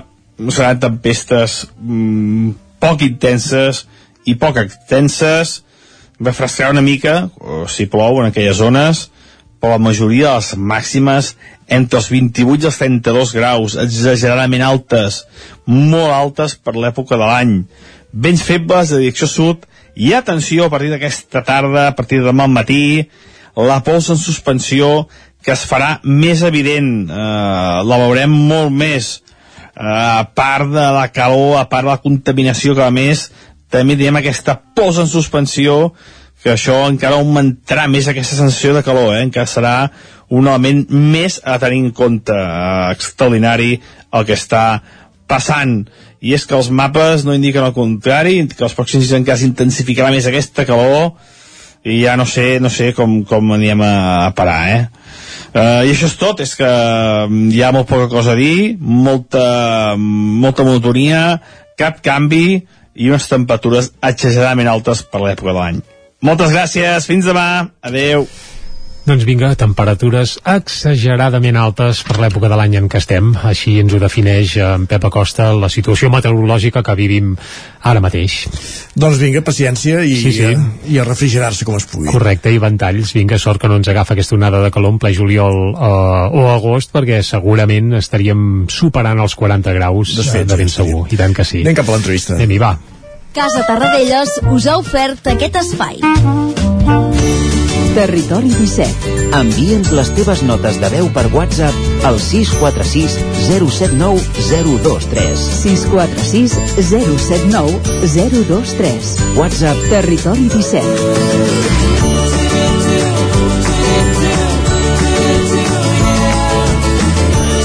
Territori 17. Som a Facebook, Twitter i Instagram amb l'usuari Territori 17.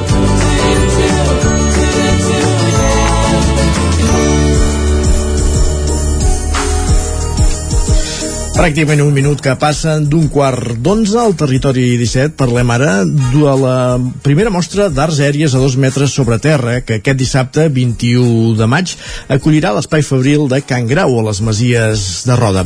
Es tracta d'una iniciativa impulsada per Anigami Experiències i Cardan Cultura per donar a conèixer l'entorn d'aquesta antiga fàbrica tèxtil i mostrar diverses disciplines artístiques que tenen la singularitat d'actuar a partir de dos metres sobre terra. Entre els noms que hi haurà aquest cap de setmana a les Masies de Roda, per tant, hi ha, per exemple, la fura de les, dels baus. Però anem a pams d'on surt aquesta iniciativa, què és Cardan Cultura, ens en farà 5 cèntims, ens ajudarà a desvetllar-ho eh, un dels seus impulsors. Aquí tenim a l'altra banda del fil telefònic, que és Ricard Vilaragut, membre de la cooperativa DIP Disseny Integral de Projectes. Ricard, bon dia, benvinguts. Bon dia, benvinguts. Què tal? Molt bé. Primer de tot, eh, explica'ns una mica d'on surt aquesta iniciativa del Cardan Cultura i el perquè d'aquest nom. Aquesta és una iniciativa que, com bé dieu, surt de, de Anigami Ventures, que fa un any va llogar un espai fabril de Can Grau, molt gran, amb, amb 4.000 metres quadrats eh, eh, útils i 10.000 d'extensió, eh, que conjuntament amb la Fura dels Baus van començar això, a pensar què en feien de tant espai. O sigui, és la seu pròpia de la Fura i d'Anigami, però en aquest espai van començar a dir que volien fer un espai de suport a les indústries culturals, no? Uh -huh. perquè creiem que és el seu sector en el qual treballen.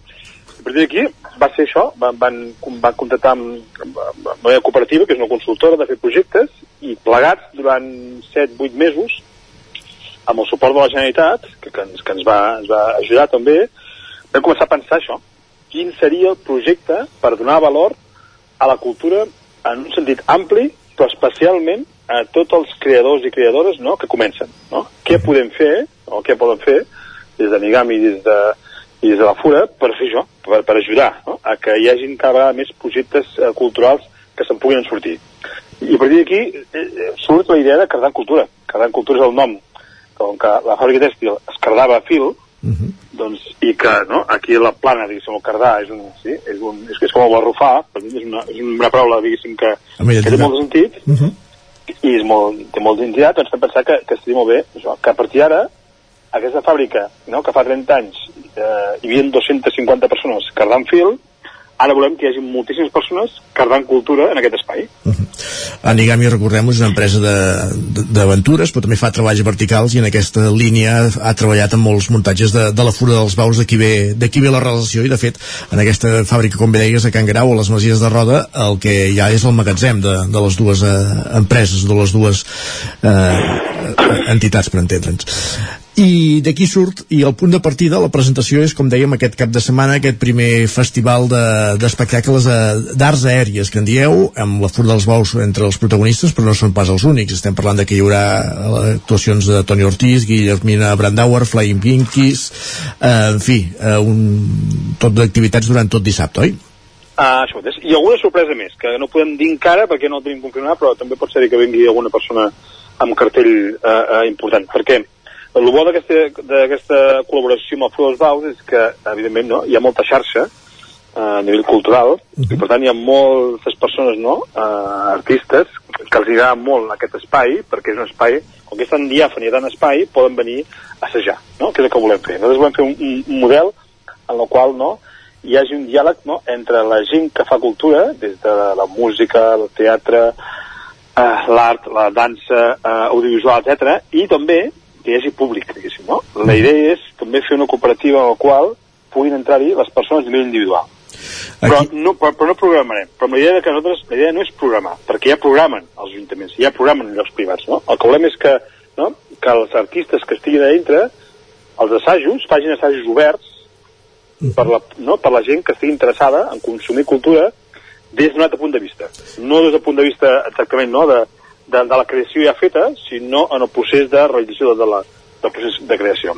És a dir, és posar l'espai a disposició de, per entendre'ns. Ah, això mateix. De creadors, de persones eh, individuals i d'usuaris, no? gent que li, li interessi la, la, la cultura.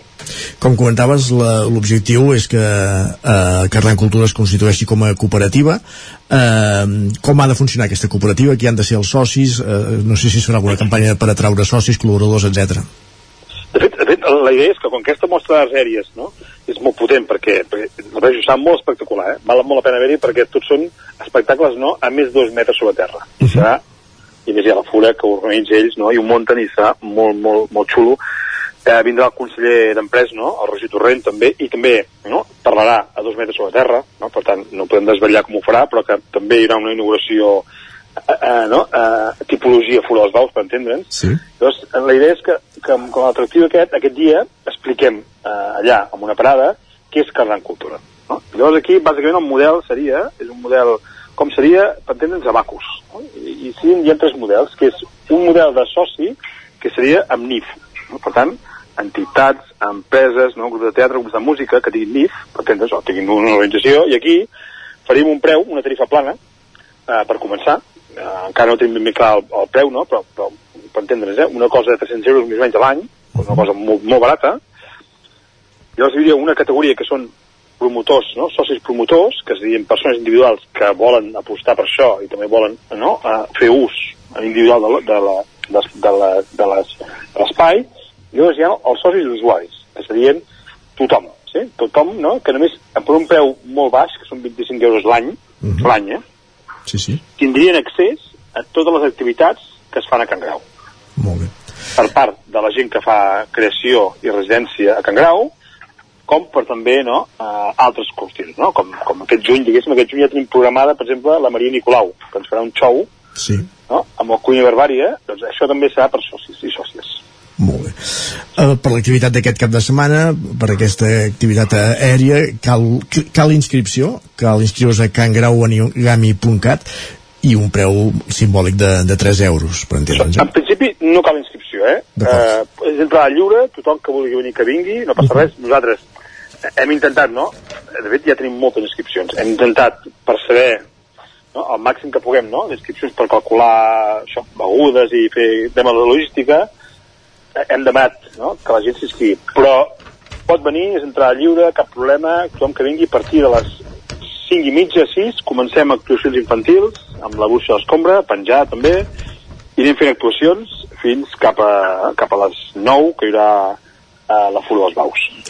També hi haurà un grup de música, es va al bar, un grup de música alcohòlica que cabra en versions de, de rock, eh, eh, una companyia productora de circ, els Flying Pygmies, una companyia de, productora de l'espectacle Silo Cinema de Cuelgo, que la mostra que en Grau hi presentarà un espectacle d'estratègia volant anomenat, Alma Mater, o Guillermina Brandauer, una artista especialitzada en dansa aèria que, que en Grau hi actuarà acompanyat de Francesc Torrent, interpretaran l'espectacle en vol, eh, dos mons, que, el que és subtil i el fosc, l'aire, la terra, el vol i la gravetat, en fi.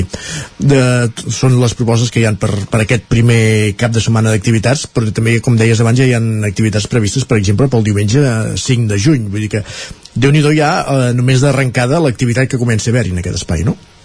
Sí, sí, perquè volíem arrencar de manera forta per explicar a la comarca d'Osona que, que tenen un espai, un equipament cultural per tothom que, no, a disposar, a disposar i de forma molt barata. Sí? Perquè ens interessa això, fer aquest, aquest punt de no, arrencada, promoció, perquè és un projecte que ha de ser viable empresarialment. Llavors aquí necessitem sobretot no, pues que hi hagi molta gent que s'associï, sigui a nivell de, no, d'entitat, associació o sigui a nivell individual. I aquesta és la base, no? perquè a més, eh, diguéssim, Anigami ha fet una inversió molt gran i hem d'intentar que a veure si aquest projecte sigui eh, el màxim de, de sostenible. Molt bé. Uh, veiem també que hi ha, dèiem que hi ha activitat pel 5 de juny però no per tot el mes de juny, per l'11, pel 18 i pel 25 ara per, ara, per, per arrencar el que sí que volíem demanar Can Grau està, si no tenim mal entès a la, a la carretera de Malars per entendre'ns pels accessos que s'ha plantejat diguéssim, de, per evitar massificacions o, o problemes d'aparcaments o com, com, com plegat Sí, hi haurà, hi haurà un pàrquing molt gran a sota el pont vell de Roda de Ter, Sí. que ja el tenim, no? Que ja hi queben cap a 150-200 cotxes. Eh, i, I també hi ha, si està habilitat, eh? Habilitarem pàrquings eh, accessoris al costat i creiem, en principi, que, que donem sortida. Vull dir, hi ha, hi ha lloc per aparcar. El que haurem de caminar 100 metres, eh? S'haurà de caminar 100 metres, sí, sí. però que està molt bé perquè és la vora del riu, i per tant és un passeig eh, preciós. És que el lloc és preciós, eh? El lloc està a les afores, està, està a les Masis de Rodes, però està al costat de Rodes, i al costat de Manlleu, per tant és un projecte molt de la plana de Vic, diguéssim, molt, molt, molt usnenc, volem que sigui, eh? amb un entorn fantàstic i per tant que la gent no pateixi, que intenti venir el màxim possible, com sempre, no? Uh, sí, amb transport, no? Uh, el cotxe, que la parquin el més lluny possible, però que sàpiguen que hi haurà pàrquing al Pont Vell de Roda.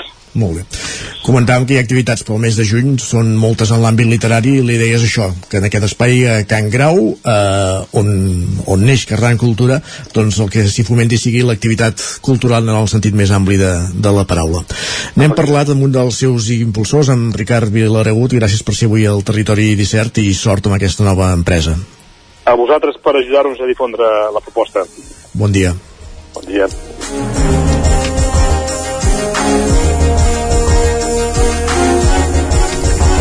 Doncs hem conegut aquesta interessant proposta de Molt Cardan Cultura aquí a Territori 17, per tant aquest cap de setmana serà qüestió d'acostar-s'hi, eh? perquè això pinta molt i molt bé.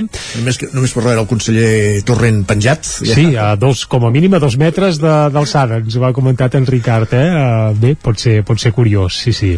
Però vaja, el conseller està acostumat una mica a tot, eh? Exacte, sí, sí. Uh, no, des de que l'espin per Pegasus fins al que faci falta, que em va fer un llibre i tot. Va, nosaltres el que farem un cop acabada l'entrevista és fer una breu pausa de res, 3 minutets, i després ja ens espera en Guillem Sánchez, amb qui repassarem piulades, anirem a la taula de redacció, parlarem de la literatura i moltes coses més. No ens deixeu, us farem companyia, com sempre, fins a les 12 del migdia. Ara una breu pausa de 3 minutets i tornem aquí a Territori 17. Fins ara.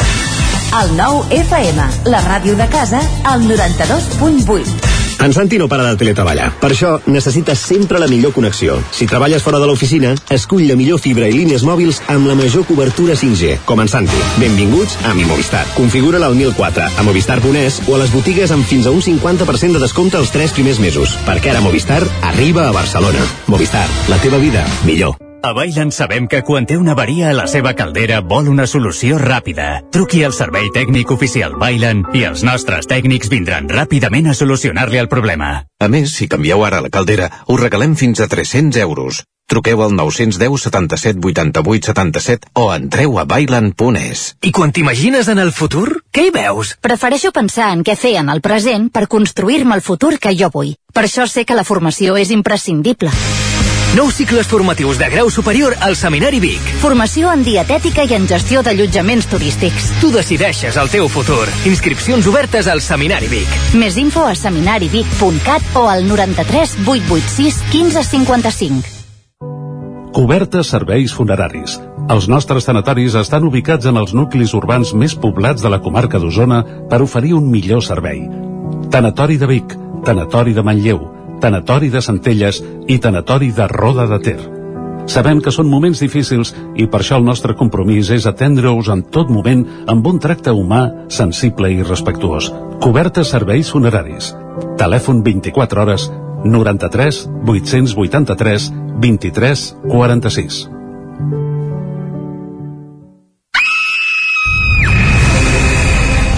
Sherlock Holmes ha mort i Watson necessita la vostra ajuda per tornar enrere en el temps i trobar el punt exacte per salvar-lo del parany de Moriarty. Posa't en la pell del detectiu britànic i resol tots els enigmes en menys de 60 minuts per poder escapar. Elementary Escape Room de Vic, una aventura per a tota la família.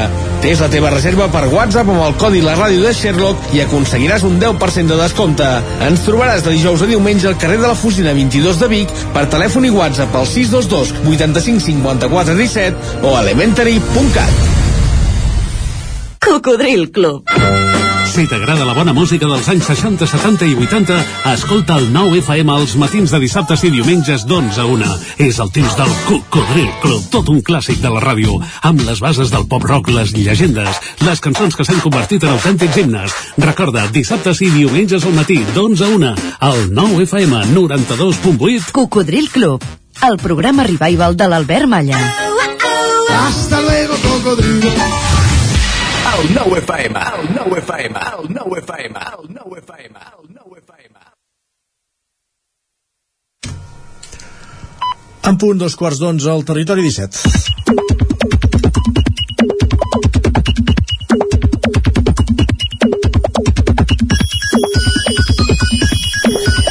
Cada dia, a dos quarts d'onze, ja ho sabeu, tenim la visita d'en Guillem Sánchez, que ahir ens va deixar una mica intrigats, eh? No sé si ho recordes, Isaac, que ens va dir que avui comentaríem algun aspecte relacionat amb un aniversari ens va deixant alguna pista i nosaltres ja li vam llançar noms i tot. I no, no vam encertar massa, no? O sí?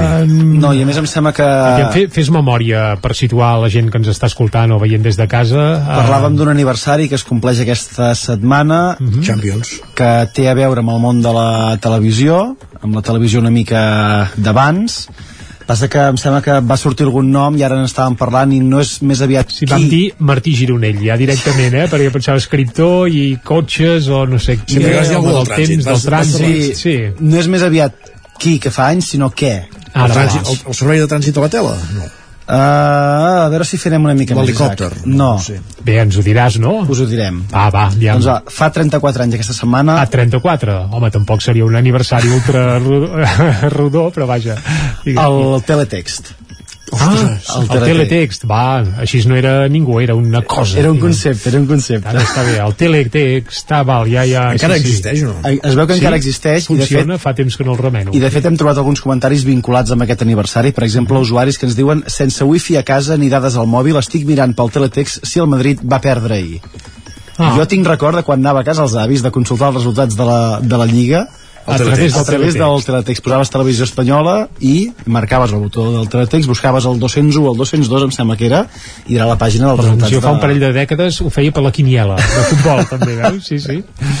Uh, Encara es fa la quiniela, també. També, sí, sí, encara, sí. Oh, no fa pas gaire un encertant 15 del sí, 15 aquí a Vic, ens en van fer ressò aquí al territori 17. El que passa que ja no reben la milionada que hi havia abans. Aquell eh? dia no, perquè molt, eh? no, no era de la Lliga aquell dia. La Sí, bé, ni, bé, ni aquell dia ni d'altres, també. Eh, I de fet, que per, era. de fet, per la família de la Carme també hi ha tradicions com aquestes, de quinieles i d'aquest àmbit que encara eh, fan servir el teletext, que eh, ens escriu Mon padrí mira cada dia el teletext si ha tocat la loteria al bar del poble. També és una manera de comprovar números i de comprovar a sortejos mirant a, Home, el teletext no era gaire... Bé, anava a dir, no sé si li explicaran si ha tocat el bar del poble, potser surt el número, però dubto que et diguin Però on si tens el número del bar del poble... Eh, Ah, clar, després ja, pots el consultar el tema. número, clar, això sí. Això I per, I per acabar, una confessió de l'Albert que ens deia, diu, que en l'època de Waze i Google Maps encara actualitzin l'estat del trànsit al teletext em sembla brillant. Doncs vinga. T'imagines algú consultant l'estat del trànsit del teletext abans de, de sortir de No, no, casa? o t'imagines algú al cotxe consultant el- l'estat del trànsit del teletext? Ai. Seria curiós. Però Seria vaja, la, la conclusió és que encara funciona, eh? El teletext i s'actualitza i va. No sabem si és útil per molta gent o no, però si més no encara va, està allà. jo aquest vespre ho comprovaré, aviam si encara es pot consultar, va. No, no, no fa, a mi no fa bastant gaire, eh, gent em deia he vist el teletext que, per tant, mira No, no, fantàstic. va, som-hi, més doncs va, canviem de tema, tornem, al teletext, va. tornem a l'àmbit meteorològic, que fins al diumenge em sembla que ens fregirem tots aquí. L'Anna posa sobre la taula... tornem, tornem, no, no marxem gaire mai. L'Anna posa sobre la taula una situació ben curiosa. Ens escriu, poc se'n parla de la climatització a les escoles. Diu, avui a les 12 del migdia el termòmetre a l'aula marcava 26 graus. Queda més d'un mes per acabar el curs i anirà pitjor, però clar, som dels pocs edificis de l'administració, per no dir els únics, que no tenim una climatització adequada. Bé, parlem ja de les cargoles. Correcte. Sí, i cal dir que les escoles precisament no tenen aire condicionats. El 90 llarg per cent d'escoles... Ja dic no, jo. Sí, sí, sí, sí. Finestres obertes Sí. corri l'aire. Sí, el que passa que algunes s'hi donen a, a ple sol a vegades no saps què és pitjor, eh? Si el remei o... En Claudi, en aquest sentit, hi fa una aportació. Diu, jo posaria aire condicionat a les aules, però a la vegada trauria la jornada reduïda els mesos de juny i setembre. Què millor que estar a classe fresquets estudiant? Doncs mira, una bona proposta. Bé, per refrigerades. propostes que no quedi, eh? sí, sí. I aquest és un gran debat, el de l'aire condicionat. No sé si en teniu a casa, si el poseu, a quina temperatura, qui mana, qui té el mando, qui... Jo no en tinc. No entrarem en detalls. No, no cal que, que et digui res perquè a casa meu no n'hi no ha. A, amb l'Isaac veig que sí. A casa n'hi ha i no entrarem en detalls.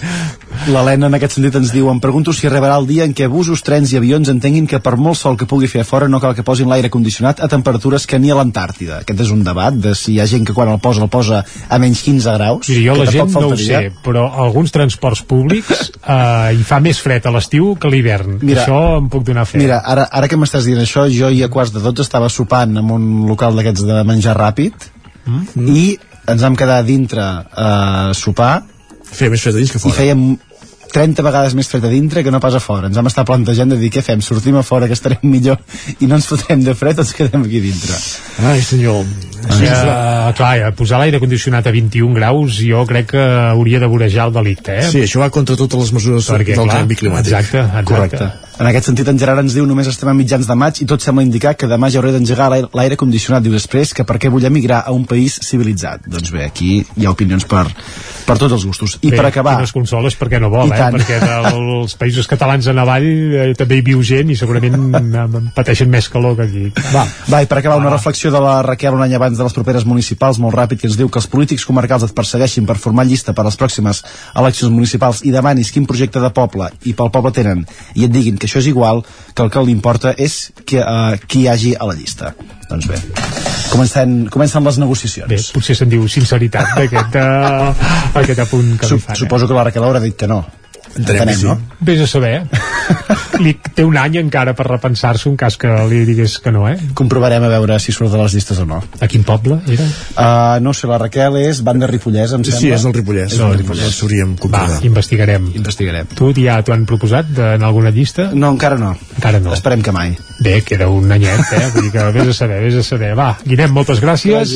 On sí que anirem eh, és a les portades del 99.cat, tant si ens conviden a fer-ho com si no, perquè fem cada dia i comencem fent un cop d'ull a l'edició del Vallès Oriental, que ara mateix obre explicant que un informe de l'Agència Catalana de l'Aigua obliga a replantejar l'edifici per ampliar el Pallarola a Sant Celoni. El Pallarola és una escola eh, que hi ha eh, això, a Sant Celoni, que s'havia d'ampliar, però sembla que un informe de l'ACA fa o obliga a replantejar l'ampliació que ja hi havia prevista. Més coses, 150 persones tallen la C59 per demanar més seguretat i la CUP acusa els Mossos d'Esquadra de denunciar falsament quatre militants de Granollers per un tall a la C17 a l'Ametlla.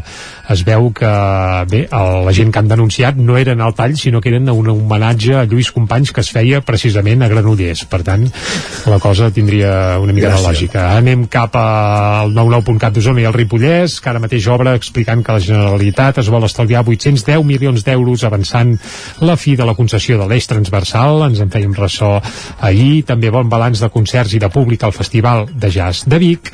I també hi apareix que la Universitat Autònoma de Barcelona fa Cristina Gallac, doctora honoris causa, en un acte que es va fer ahir a l'Autònoma. Doncs moltíssimes gràcies, Jordi, Guillem, i anem cap a la taula de redacció. Anem.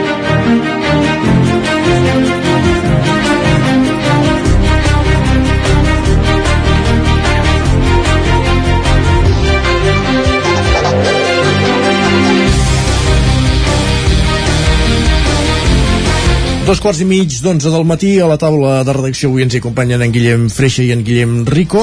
Freixa, benvinguts, bon dia. Hola, molt bon dia. Per parlar de trens i d'estacions, perquè la setmana passada DIF anunciava un reforç de personal en estacions com les de Manlleu, Torelló i Ripoll, un reforç que és interessant perquè en algunes d'aquestes estacions no hi havia personal fins ara. Exacte, eh? és un, un nou servei que ofereix ADIF, en concret és un projecte que s'ha anomenat eh, Facility i es desplegaran 22 punts en tot el en tot el territori català i en concret pel que fa a Osona i al Ripollès doncs afecta a Manlleu, Torelló i Ripoll i com bé dius aquest reforç extra eh, que es farà amb aquestes tres eh, estacions s'afegiran algunes d'elles en el que ja hi aporta eh, Renfe uh -huh. sobretot en la parcel·la de vendre bitllets de, de tren però és que en d'altres com la de Manlleu sí que permetrà consolidar de nou la presència de personal en aquesta estació aquest projecte Facility, com podríem explicar el que suposarà, què, què permetrà fer? Doncs eh, aquest eh, personal d'una banda el que farà és l'obertura i tancament de les sales d'espera i dels locals de les estacions, també oferir atenció i informació als viatgers, així com la gestió de les possibles incidències que hi puguin haver vinculades amb el servei eh, ferroviari. I també es vetllarà per al correcte funcionament de l'estació, detectant possibles avaries, coses a millorar, panells que no funcionen, la megafonia que no acaba d'anar bé, amb tot plegat doncs també hi estaran a sobre per poder-ho eh, denunciar, alertar i que es pugui eh, corregir. Aquest personal entrarà en joc o entrarà en funcionament, començaran a exercir aquesta tasca a partir del 15 de juny i com dèiem, en llocs com Torelló i Ripoll ara hi havia personal de Renfe, Renfe és el responsable de uh, la gestió i del servei de la venda de bitllets i eh, el nou personal que hi aporti a DIF la seva funció estricta no serà aquesta venda de, de bitllets però sí que en llocs on es fa maquinària doncs podran oferir eh, cert suport en els usuaris a l'hora de comprar els seus bitllets per anar amb tren. Pel que fa als horaris, perquè hi haurà un horari de presència d'aquest eh, nou personal d'ADIF en les estacions, a Torelló s'hi destinarà una persona que de dilluns a divendres i serà present de dos quarts de sis del matí fins a dos quarts d'onze de la nit i els caps de setmana i festiu li podrem trobar de les 8 del matí fins a les 3 de la tarda. Pel que fa a Ripoll, aquest eh, personal hi serà de dilluns a divendres de les 5 del matí fins pràcticament les eh, 12, de fet les 12 menys 5 com dèiem, els dies eh, laborals i els caps de setmana i festius entre un quart de vuit i dos quarts eh, d'onze de la nit. Per tant, una amplitud d'horari força gran la que hi haurà a Ripoll amb aquesta presència del personal d'Adif. I per últim, a Manlleu, que recordàvem això, eh, que des del novembre del 2016, quan es va tancar el bar de l'estació, es va deixar de fer venda presencial de bitllets, l'estació també va quedar sense personal eh, físic, sense presència física de gent eh, a l'estació, sí que de manera puntual s'hi ha anat aportant una persona per fer suport amb la venda de bitllets a través de la màquina expenedora que hi ha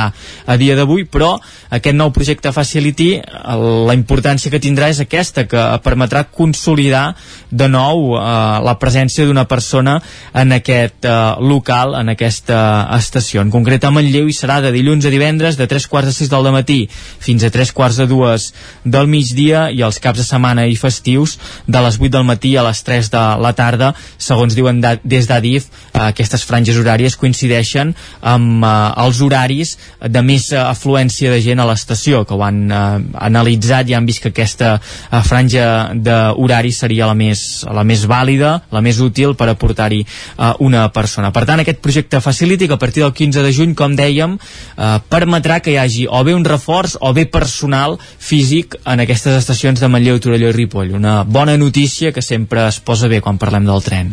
Oh, i tant com sí. Moltíssimes gràcies, Guillem, per aquest uh, aclariment, per aquest Adeu. aprofundiment en Bon la dia. notícia. Bon dia. I continuem en companyia de Guillem Rico, uh, en aquest cas, per parlar d'un aniversari. Abans parlàvem de l'aniversari del Teletest amb Guillem Sánchez, en el teu cas parlem d'un aniversari més rodó, 75 anys, de l'agrupament Escolta i Compte Jofre Verge de Recoprevera de Torelló. Exacte, un agrupament amb un nom molt llarg, ara si en cas explicarem per què eh, aquest nom és, és, és tan llarg. Aquest cap de setmana, això, els escoltes de Torelló van celebrar el 75è aniversari, són l'agrupament més, eh, més antic de la comarca, es va crear el 1947, i de fet eh, va ser el primer de la... perquè originàriament estava més vinculat a la religió i es, va ser el primer de la diòcesi de Vic, diguem, de, de tot el territori del, del bisbat de Vic. Um, aquest cap de setmana es va fer un cap de setmana d'activitats, desenes de persones de diferents generacions hi van participar en diferents moments perquè es va fer una caminada, es van fer eh, diversos tallers, un campionat d'escuts que és un joc també característic de, dels escoltes, es va fer una acampada a la zona esportiva i una foguera un foc de camp, que també és una cosa poc habitual perquè últimament és complicat poder fer aquestes fogueres. Eh, també es va fer danses, es van plantar arbres i es va fer un dinar popular que hi van, aquí va ser l'acte potser central en què hi van haver més persones. Hi havia algunes de les persones, per exemple Xavier Colomer que és un dels primers nens eh, que van formar part de l'agrupament. Ell explicava que tenia 11 anys i que va anar al mossèn Rovira Tenes que era, un mossèn de, de la Farga que havia conegut el tema de l'escoltisme a, a, a fora, a Barcelona un, que és un moviment que va néixer el 1907 i llavors el que va fer va ser voler eh, crear un grup de nois eh, a Torelló. Eh, Colomer ens explicava que va anar al mossèn a, a la seva botiga, tenia una botiga a la seva mare eh, va anar a demanar a veure si el nen volia anar d'excursió. I deia, quan que portava sotana la mare no s'ho va pensar i, i va dir que sí, eh? ara mm, potser no farien la mateixa resposta però bé, això és un altre tema. Uh, llavors, a partir d'aquí es va crear aquest grup i van haver-hi alts i baixos. Es deia agrupament Escolta Vers de Roca Prevera. Això va ser el primer nom. Al cap d'uns anys, això va marxar aquest mossèn vam tenir com una, bueno, allò, alts i baixos van refer una mica el grup i van decidir canviar-se el nom per Comte Jofre i llavors també van canviar el folar perquè ara no sé, la gent, el folar no sé si algú ho, sap però és un mocador que es porten els escoltes al coll Que en el cas Ah, del de Torelló és és negre, groc i negre, és eh? negre amb la vora groga, exacte, molt bé Isaac doncs primer no era així, era amb la vora blanca Caram! I llavors El groc que es va incorporar més tard, sediciosos. eh, quan es va canviar el nom van canviar també el folar Mhm. i llavors sí que l'any 58 perquè primer només eren noies, es van crear l'agrupament de noies i elles sí que van, van recuperar aquell folar inicial que era blau amb la, amb la vora blau clar i, i elles es van dir van recuperar el nom de Verge de Roca Prevera. Llavors això va anar així, van anar en paral·lel eh, per l'època franquista que era doncs no es podia fer segons què per tant a través de l'escoltisme era una via per poder fer el, algunes coses. I llavors fins al final del franquisme eh, van anar fent, fent algunes activitats conjuntes alguna trobada a les Gambires un cop a l'any però neus i nois casa de pagès, eh? exacte, nois, exacte sí. Uh, i nois i noies anaven, anaven per separat fins al final del franquisme que llavors sí que es van ajuntar i d'aquí, de la suma dels dos agrupaments uh, va sorgir nom Comte tan llarg de Comte Jofre Verge de Roca Prevera. I llavors el Folar sí que mm, això sí que no ens van saber explicar per què es va adoptar el dels nois. No sabem si perquè era més antic uh, perquè també hi havia una peculiaritat que els nois, els nens més petits els, els monitors que tenien, els caps eren noies amb els més petits, això sí, o sigui que les noies es formaven en l'agrupament de noies i algunes llavors I anaven a, a fer de monitores amb els nois, amb els petits, eh, amb els grans no. Um, això, va, eh, recordaven diferents anècdotes, no? Van, uh, sobretot aquesta gent més gran que, que hi havien situat en el franquisme ens explicaven que això, que era aquesta via de sortida, que a través de l'escoltisme van conèixer molta, molts grups de música eh, en català, o sigui, una mica la cançó catalana, bueno, tot aquest moviment, coses que ho van descobrir a través de eh, a través d'això, no? I que també ens, també ens explicaven que van comprar una casa eh, a la Vola, una casa que es diu Llombregueres, que està molt associada als escoltes de Torelló i on han anat, doncs, que, que es pot llogar i que hi van a escoltes també i, i s'hi fan acampades i campaments d'escoltes de, de molts llocs um, que la van comprar l'agrupament de noies per 30.000 pessetes, que això serien 180 euros, el que passa que l'equivalent no té res a veure uh, i van dir que cada família hi havia posat 500 pessetes uh -huh. uh, per, perquè fos seva la van anar Llavors va ser tota una inversió. i la van anar tota una inversió perquè encara, de fet, aquesta casa encara existeix, és petita, eh? Uh -huh. Hi ha, era la casa, un terreny d'acampada al costat i una font. I això encara existeix. Va ser un cap de setmana bastant emotiu de- d'això de, de recordar anècdotes, de reunir diferents generacions de- d'escoltisme, això un agrupament que ara està a, a l'antic FP, al barri de Montserrat, havia estat al centre, a la plaça Vella, anteriorment ens explicaven l'antic FP, l'antiga Superté L'antiga també. Superté, això, exacte, i, i fins i tot a la plaça Vella, on hi ha ara la biblioteca, també havien estat els pisos de dalt, Uh, i antigament encara havien estat perquè ens explicaven també a, la rectoria per exemple, per tant, diferents llocs són 75 anys, per tant, dona per moltes coses però això, per molta gent doncs són uns valors ens deia aquest senyor més gran que d'escoltisme uh, un bon escolta ho és per tota la vida i encara s'emocionava quan, quan en parlava perquè ell va ser el primer també de la seva família en formar part d'aquest agrupament, d'aquest moviment doncs, que ara també els seus nets doncs, també hi han, hi ha, i fills i nets doncs, hi, han, hi han anat a, a parar. Una, una entitat de les més antigues de Torelló i de les més, i de les més consolidades també 75 anys, com bé deies, dona per molt, per moltes anècdotes i per moltes històries i molta gent. Gràcies, Guillem. Adéu, bon dia. Bon dia. I el que fem nosaltres després d'aquesta taula de redacció és anar de seguida cap al Lletra Ferits.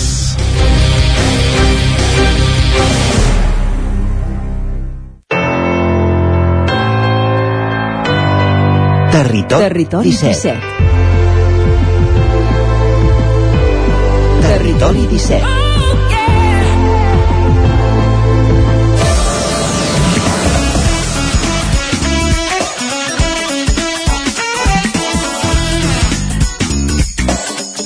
El Lletra Ferits, ja ho sabeu, l'espai dedicat als llibres, a la literatura, que ens acompanya cada dimecres a la recta final de la segona hora, just abans de les 11, i avui en companyia de l'Òscar Muñoz. Des de Ràdio Televisió Cardedeu ens fixem en una de les protagonistes dels darrer- de- d'un dels eh, vermuts literaris que es fan a Cardedeu. Com dèiem, 11 minuts perquè siguin les 11, anem cap al Lletra Ferits. Òscar, benvinguts, bon dia. Benvinguts a un nou Lletra Ferits des de Cardedeu.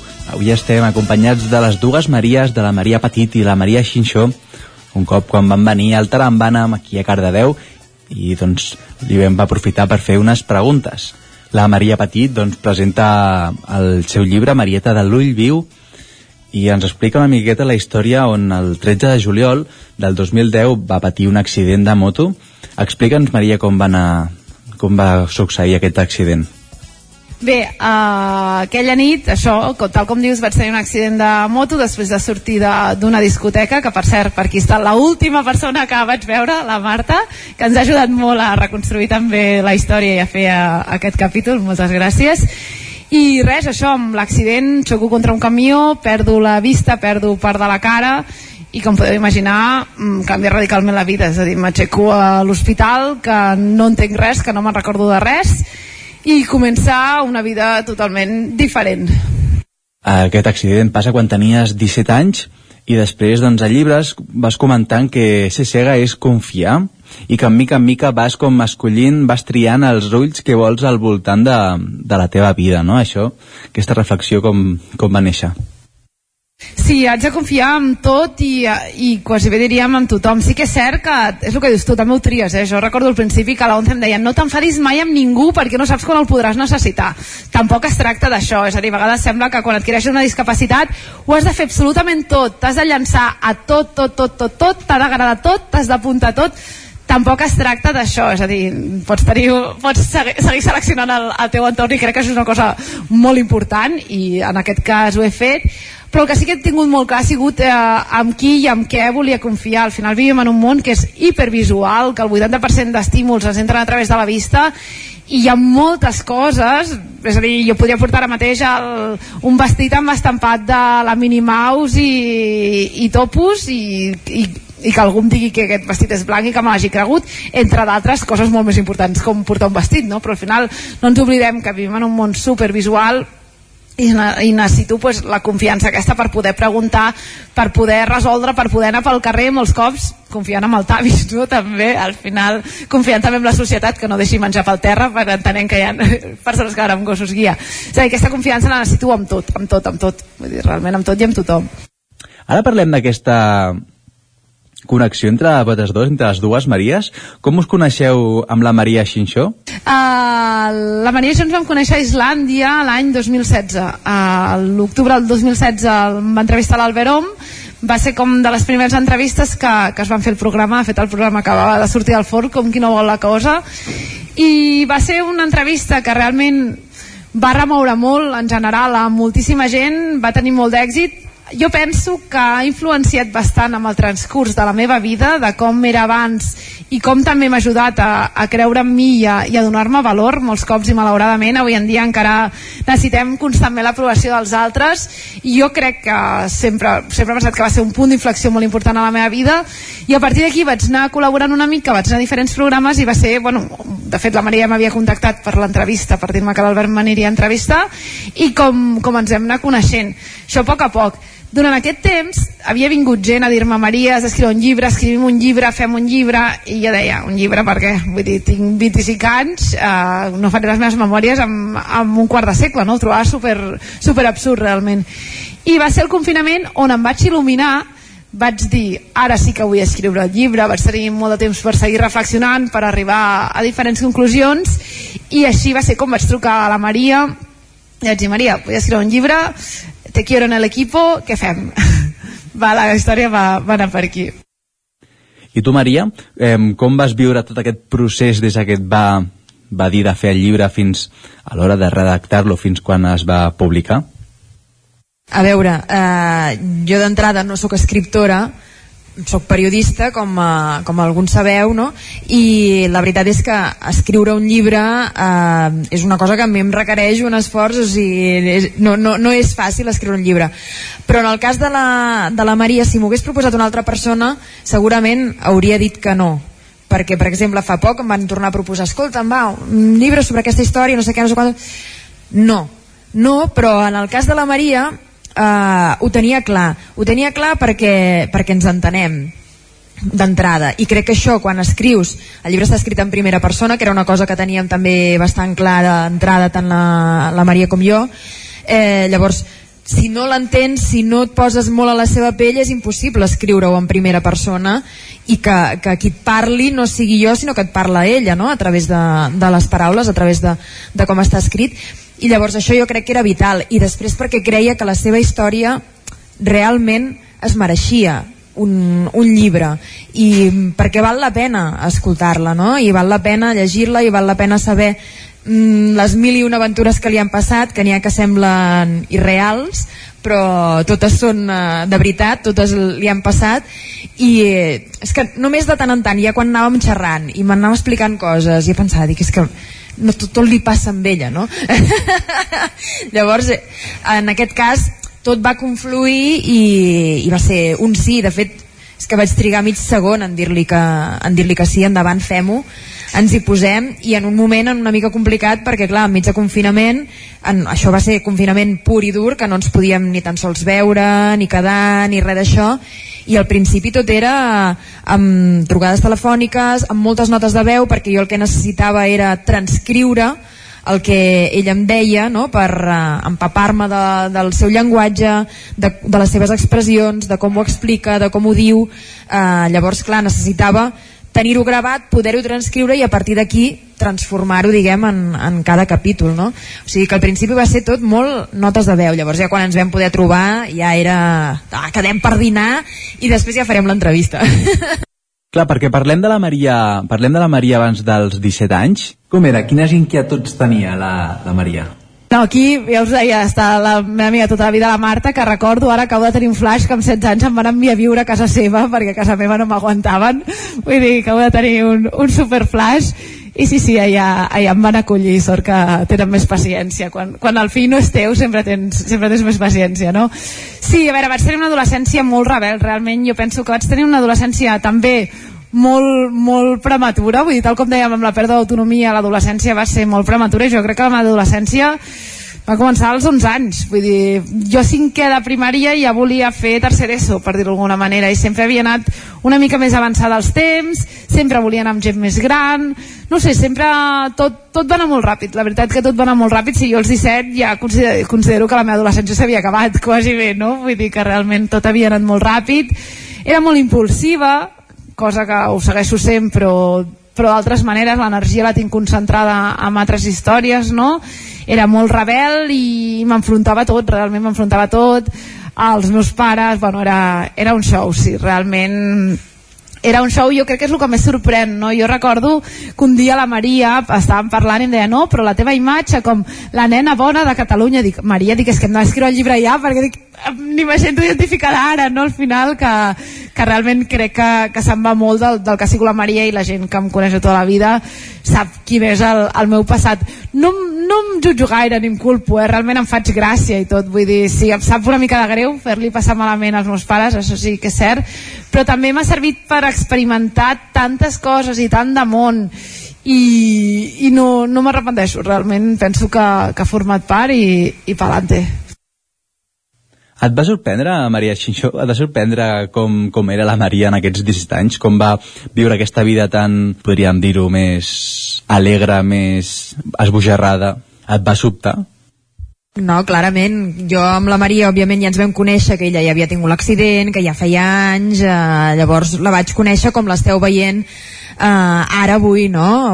Bé, tranquil·la, amb el seu gos, normal però llavors clar, la que escarbes una mica i aquí la, la Marta l'ha vist segur que d'històries per a no dormir en deu tenir moltíssimes te n'adones que això, que anava una mica accelerada i avançada per l'edat, no? perquè eh, amb 11 anys la tia se n'anava sola a Barcelona que agafava el tren i vinga, ara me'n vaig a una festa de, que han organitzat a Prohibit els Pares, que era un programa de ràdio de, de ràdio flashback que es parlava de tot, de sexe i de tot, que és el que ell escoltava no? amb 11-12 anys eh, jo crec que, clar, ens portem 10 anys amb la Maria, jo crec que l'adolescència la vam passar a la vegada, perquè jo vaig ser una mica mm, tardona i ella va anar una mica abans, saps? Llavors jo crec que ens hauríem pogut trobar en algun dels llocs, però ella passada de voltes, no? Perquè jo no bevia tampoc. I ella tot, a lo que le echen a los leones.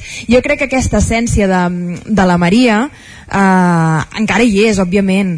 L'únic és que abans simplement hi havia una impulsivitat, ella li venia de gust fer una cosa, no pensava en les conseqüències, no? allò es llançava a la piscina, ara ella té clar que, que hi ha unes conseqüències, per tant sempre mira que, ostres, li ve de gust una cosa, doncs la farà però sobretot que hi hagi aigua, saps? Almenys una mica d'aigua que la tinguem perquè, pel que pugui ser, no? És, és una de les coses que jo crec que, que ha fet aquest canvi, no? De, de, que s'ha fet adulta també en aquest sentit, no? I que abans, doncs, això, jo crec que ja planyo els seus pares perquè no havia de ser gens fàcil tenir-la com a com a filla amb, bueno, tal com era ella. Jo faig la broma de que si no hagués tingut l'accident ara estaria a la presó. I fins aquí el Lletra Ferits d'aquesta setmana amb les dues Maries, amb la Maria Petit i amb la Maria Xinxó. Gràcies per ser aquí i doncs tornarem la setmana que ve amb un nou Lletra Ferits. Aquí estarem, exactament. Gràcies, Òscar, i gràcies per recollir aquest testimoni de la Maria Xinxó i la Maria Petit, que si no fos per l'accident seria la presó. déu nhi de la sentència final. Uh, evidentment, amb to humorístic i irònic. Acabem el Lletra Ferits, ens posem al dia al territori 17, ara que passen, res, 30 segons de les 11 del matí. Territori 17, amb Isaac Moreno i Jordi Sunyer.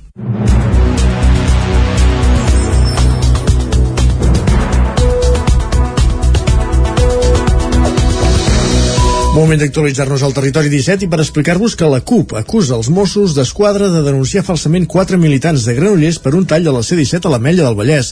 Asseguren que cap d'ells va participar en aquella mobilització, ja que eren a l'homenatge a Lluís Companys a Granollers. Ràdio Televisió Cardedeu, Núria Lázaro.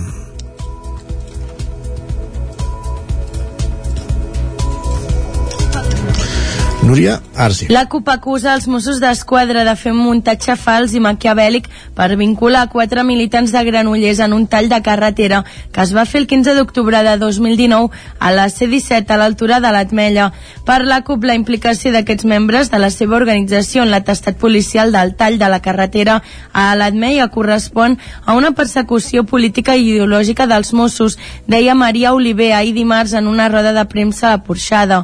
Per aquest tall hi ha una quarantena de persones investigades i mitja dotzena de menors d'edat han rebut una amonestació per part de la Fiscalia de Menors. La setmana passada van començar a declarar els jutjats de Granollers. També ho van fer els quatre membres de la CUP que només van respondre a les preguntes del seu advocat d'alerta solidària.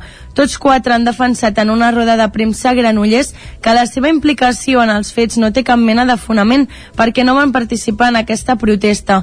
De fet, tots quatre eren a l'acte d'homenatge a Lluís Companys que es feia a Granollers.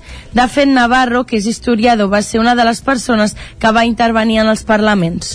Vaquers Plana de Vic, la Unió de les Cooperatives Plana de Vic i Vaquers d'Osona ha renovat els contractes que tenia amb Leche Pasqual i Cacaulat, però ha deixat de servir llet a Làctia, que fabrica els brics de marca blanca de Mercadona, perquè el que els oferien no, el preu que els oferien no cobria el preu de cost. La solució que han trobat de moment és vendre llet a la indústria italiana. Després de mesos de negociacions i amb la complicació afegida de l'increment del preu del cereal i també de l'energia, Baques Plana de Vic ha aconseguit tancar els nous contractes amb dues de les tres empreses làcties a les quals venia la seva llet, Pasqual i Cacaulat. No hi ha hagut acord, però, amb Làctia, la companyia gironina que fabrica brics de la marca blanca Hacendado per Mercadona. Daniel Bassas és el portaveu de Baquers d'Osona hem arribat a un acord amb els dos i en canvi eh, el tercer, que és l'Àctia, no, no hem arribat a cap acord perquè els, els costos, el preu que ens pagaven no cobrien en cap cas els costos de producció, principalment pel transport. Pensar que quan ets un ramader independent, o sigui, quan ets una ramader o una cooperativa, els costos de transport els hem d'assumir nosaltres, mentre que els seus ramaders no, i això fa una diferència, un greuge massa gran. Les sis cisternes a la setmana que portaven a Làctia, uns 150.000 litres de llet, la distribueixen ara entre els altres dos operadors, petits productors locals de formatge i una companyia lletera italiana de Bèrgam. Escoltem a Daniel Bassas. Aquesta llet d'Itàlia és una llet que està molt ben pagada, tot i que ens sa, en, creiem que no és oportú derivar-la tota cap allà perquè al final ens quedaríem sense llet. El que interessa és trobar una solució dintre del país. Sempre hem de pensar en aquesta sobirania alimentària que no podem perdre. És per això que una part de la llet de vaquers plana de Vic es continua destinant a la llet Terra i Tast que coprodueixen amb el grup Bonpreu i és que dos mesos i mig després d'oficialitzar el projecte continua havent-hi trencament d'estoc el que és el mateix, hi ha més demanda que no pas oferta. Els responsables de vaquers plana de Vic, la Unió de les Cooperatives cooperatives Vaquers d'Osona i Plana de Vic han aprofitat la conjuntura del moment amb una elevada demanda de llet i increment de costos per negociar preus a l'alça. Els nous contractes amb la indústria són ara de curta durada, tenint en compte la situació d'incertesa provocada per l'augment de preus del cereal i l'energia i, a més, amb una previsió que aquests costos continuïn pujant. Més qüestions. L'Ajuntament de Vic ha iniciat una prova pilot al carrer de Gurb per mantenir netes d'orins les façanes dels edificis. Durant tres setmanes s'aplicarà un líquid ecològic als accessos als domicilis i comerços que evitarà que gossos i gats hi facin pipí. Les entrades dels blocs de pisos i les botigues del carrer de Gurb seran durant tres setmanes objecte de la prova pilot que l'Ajuntament de Vic ha impulsat per mantenir les façanes netes d'orins. Òscar Ramírez, tècnic de l'empresa Cànit, va ser dilluns a la capital d'Osona per exposar com s'ha d'aplicar l'antiorins ecològic, un líquid innocu per animals, persones i medi ambient, però que actua com a repel·lent per a gossos i gats i evita que facin pipí a llocs indesitjables. Un pas més cap a la tinença responsable d'animals, ho remarca Bet Franquesa, que és regidora de Convivència i Seguretat de l'Ajuntament de Vic. Aquest producte és un concentrat que després es dilueix amb a Vic tenim comptabilitzats uns 4.000 gossos, eh? estem parlant de que hi ha una població de 4.000 gossos, llavors el que amb aquesta campanya pretenem és eh, trobar aquells incívics, que de fet és una campanya que ja portem temps amb Guàrdia Urbana i agents cíviques treballant-hi. El concentrat, que s'ha de dissoldre amb aigua, s'aplicarà una vegada al dia al llarg del carrer de Gurb durant tres setmanes. També es repartirà entre els primers 200 biguetans o biguetanes que ho sol·licitin. Escoltem el tècnic de l'empresa Cànit, Òscar Ramírez, explicant el funcionament d'aquest concentrat. Aquest producte és un concentrat que després es dilueix amb, amb aigua que eh, nosaltres no detectem però té una olor que eh, als, als gossos i als gats no els hi agrada i llavors evita que eh, els animals puguin orinar on hi ha aquest olor. Vale? Recordeu que els, els animals normalment utilitzen l'orina com una marca i marquen allà on hi ha orines d'altres gossos i llavors si no detecten aquesta olor i a més a més eh, la façana fa una olor que no els hi agrada evitem d'aquesta manera que els gossos i els gats urinin en aquesta part. La iniciativa sorgeix de les peticions veïnals i dels comerciants del carrer farts de conviure amb les deposicions dels animals a les portes de casa. L'any passat els agents cívics de Vic van fer 5.724 actuacions. D'aquestes, el, el 16,7% estaven relacionades amb les deposicions i orins d'animals domèstics a la via pública. En total es van tramitar expedients a 46 persones que no van recollir les fentes de les mascotes a l'espai públic. L'associació RIG engega una campanya de micromecenatge a Berkami per prevenir els abusos sexuals a través d'un conte i d'un quadern d'exercicis il·lustrat. La veu de Sant Joan, Isaac Muntades. L'associació RIG, una entitat sense ànim de lucre que treballa des del febrer del 2017 per la prevenció dels abusos sexuals infantils, bàsicament al Ripollès i a Girona, el passat 3 de maig va llançar una campanya de micromecenatge a la plataforma Berkami per tal de poder fer un quadern d'exercicis il·lustrats i un conte infantil amb guia per a l'apoderament i prevenció de l'abús sexual infantil a través de les emocions. Quan falten 26 dies perquè finalitzi, 41 mecenes ja hi han posat 2.337 euros dels 4.800 que necessiten, gairebé el 50% del cost del projecte. Rosa Jiménez, membre de l'associació RITS que s'encarrega de la prevenció i de la gestió econòmica, explicava que els dos projectes volen treballar conceptes bàsics pel que fa a la prevenció i la sensibilització de l'abús sexual infantil i del benestar dels infants. Llavors es treballen conceptes com el tema del posar límits, el respecte, el saber dir que no, el propi cos, la gestió de les emocions, vull dir que s'aborden diferents temes i que són vitals per l'infant. A més a més, l'objectiu de les dues eines en aquest cas és que l'adult també pugui acompanyar a l'infant. El quadern d'exercicis il·lustrat es titula El planetari de les emocions i està escrit per Patri Jiménez, que també és membre de l'associació i amb il·lustracions d'Emma Morales. El quadern va acompanyat d'una guia del lector amb un glossari que repassa els diferents conceptes i una guia didàctica feta per la docent Alicia Moreno. Allà s'hi poden trobar exercicis per empoderar els infants que necessiten l'acompanyament i ajuda de l'adult en funció de l'edat. Mònica Jiménez, membre de l'associació encarregada de la prevenció i la gestió de col·laboradors, explica què s'hi pot trobar. Es treballen conceptes com l'autoconcepte, qui sóc jo, què m'agrada, què no m'agrada, l'autonomia personal, el propi cos, la gestió de les emocions, senyals d'alerta, que també és molt necessari, quines són les persones de confiança, a qui puc demanar ajuda, i els diferents exercicis, doncs trobareu uns exercicis, per exemple, com el dels semàfors, diferents colors, no? el verd, el vermell i l'àmbar, quins són les parts del cos que no es poden tocar. Un altre exercici seria discernir entre els secrets bons i els secrets dolents. Per altra part, el Berkami també vol finançar un conte que consta de dos microrelats escrits per Mònica Jiménez que es titulen Anna i la bombolla protectora i Biel i la seva cuirassa. Els protagonistes viuen dues històries quotidianes en un parc infantil del Ripollès on juguen amb els seus amics i que vol treballar el fet de saber dir que no, el consentiment o els límits que hi ha. Segons el Consell d'Europa i diverses entitats que protegeixen els infants, un de cada cinc menors patirà abusos sexuals abans d'arribar als 18 anys i el 85% d'aquests es produiran en l'àmbit intrafamiliar o l'entorn de confiança del menor. En els nens, l'abús apareix entre els 10 i 12 anys i es dona més en l'entorn de confiança i en les nenes apareix més en l'àmbit intrafamiliar entre els 7 i 9 anys. Els abusos són molt difícils de detectar perquè la majoria dels menors ho viuen a casa i a l'entorn proper i a més estan coaccionats i amenaçats pels seus abusadors. La clau és acompanyar-los i trencar el silenci a través d'obrir mirades. Més qüestions. La tercera edició del Premi de Recerca de Sant Feliu de Codines ha guardonat Mireia Ger i Joan Obradors pels seus treballs de recerca de segon de batxillerat. Una codinenca, Caral Campàs. Ger i Obradors són alumnes de l'Institut Manologuer de Caldes de Montbui, viu a, viuen a Sant Feliu de Codines i han guanyat la tercera edició del Guardó que premia treballs de recerca de segon de batxillerat. Amb l'objectiu de promoure la innovació i el talent entre els joves, la regidoria d'Educació de l'Ajuntament de Sant Feliu va impulsar la primera edició d'aquests premis al curs 2019-2021. Mireia Ger ha guanyat aquesta edició del premi amb el treball anomenat Prevenció de les conductes de risc en l'adolescència centrant-se en el consum de substàncies estupefaents com l'alcohol, el tabac i el cannabis. Escoltem-la i volia saber, o sigui, la meva, el meu objectiu era saber les, les característiques que havia de tenir un pla preventiu perquè fos molt efectiu i vaig fer molta recerca, vaig, per exemple, vaig entrevistar un educador social, la, la, de l'Ajuntament de Cades també em van ajudar molt uh -huh. i després eh, un, vaig basar-me molt en un pla de Youth in Island d'Islàndia que em vaig agafar les característiques i res, bàsicament vaig dissenyar aquest pla. Ger vol ser educadora social i especialitzar-se en joves i adolescents. D'altra banda, Joana Obrador ha sigut guardonada amb el treball titulat L'eutanàsia a l'estat espanyol. Sí, a la part de teòrica mm, intento treballar tots els punts que per mi són importants doncs, per la promulgació de la llei de l'eutanàsia a l'estat espanyol. Uh -huh. I després, doncs, tinc tota la part pràctica que, bé, doncs, vaig fer entrevistes a persones que tenen bastant a veure amb, amb això, amb el tema, i doncs vaig fer una entrevista a, a un infermer que treballa en cures pal·liatives, després a un professor de dret de la UB, després vaig parlar també amb un metge que mm, havia estat condemnat per realitzar una eutanàsia de manera il·legal, així amb un, i amb un ètic religiós, també doncs, per saber el punt contrari L'àvia d'Obrador va ser diagnosticada de càncer i va estar un mes en cures pal·liatives. Allà la seva neta va tenir l'oportunitat de veure situacions molt dures al mateix hospital i això la va fer decidir el tema del seu treball. Tot i que Obrador inicialment volia estudiar dret, ara s'ha decantat per la branca de la comunicació i el teatre.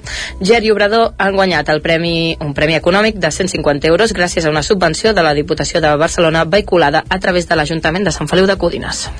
Gràcies, Caral. I un últim apunt cultural, els concerts de Sun Mi Hong i com a saxo amb el contrabaixista suec Peter Hell han centrat el segon i últim cap de setmana del 24è Festival de Jazz de Vic que va acabar diumenge amb una bona valoració per part dels organitzadors. La cluent van a càrrec de Lluc Casares Septet.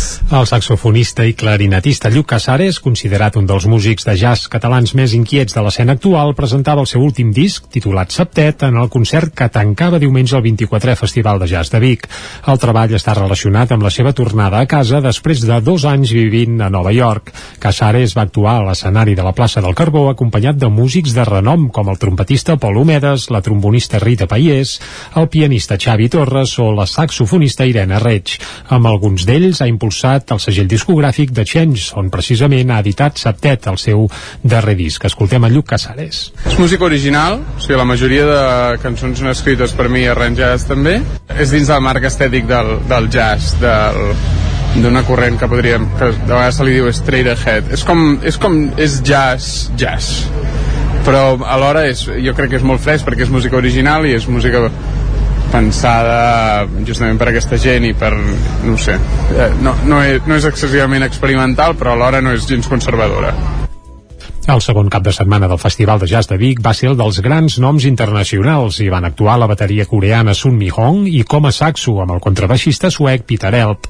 Una recta final del certamen que ha confirmat la bona acollida de públic que ja havia tingut l'arrencada. Ho detalla Jordi Casa de Sus, que és el director artístic del Festival de Jazz de Vic. Jo crec que el primer cap de setmana sí que vam tindre un cap de setmana menys internacional, sí que vam tindre l'Inca Siers amb aquell concert que es va gravar en directe, que va anar molt bé, i aquest segon ha sigut el cap de setmana dels caps de cartell amb la Sunmi com a saxo que han sigut els, els grans noms del festival. Però l'escenari d'aquí fora també ha funcionat molt bé hem pogut tindre la Big Band amb tot el jove talent de la comarca i no, no, molt contents de com ha anat tot i de, dels grups, de la rebuda de la gent per tant molt contents. I l'any vinent festa grossa perquè el Festival de Jazz de Vic arribarà a la 25a edició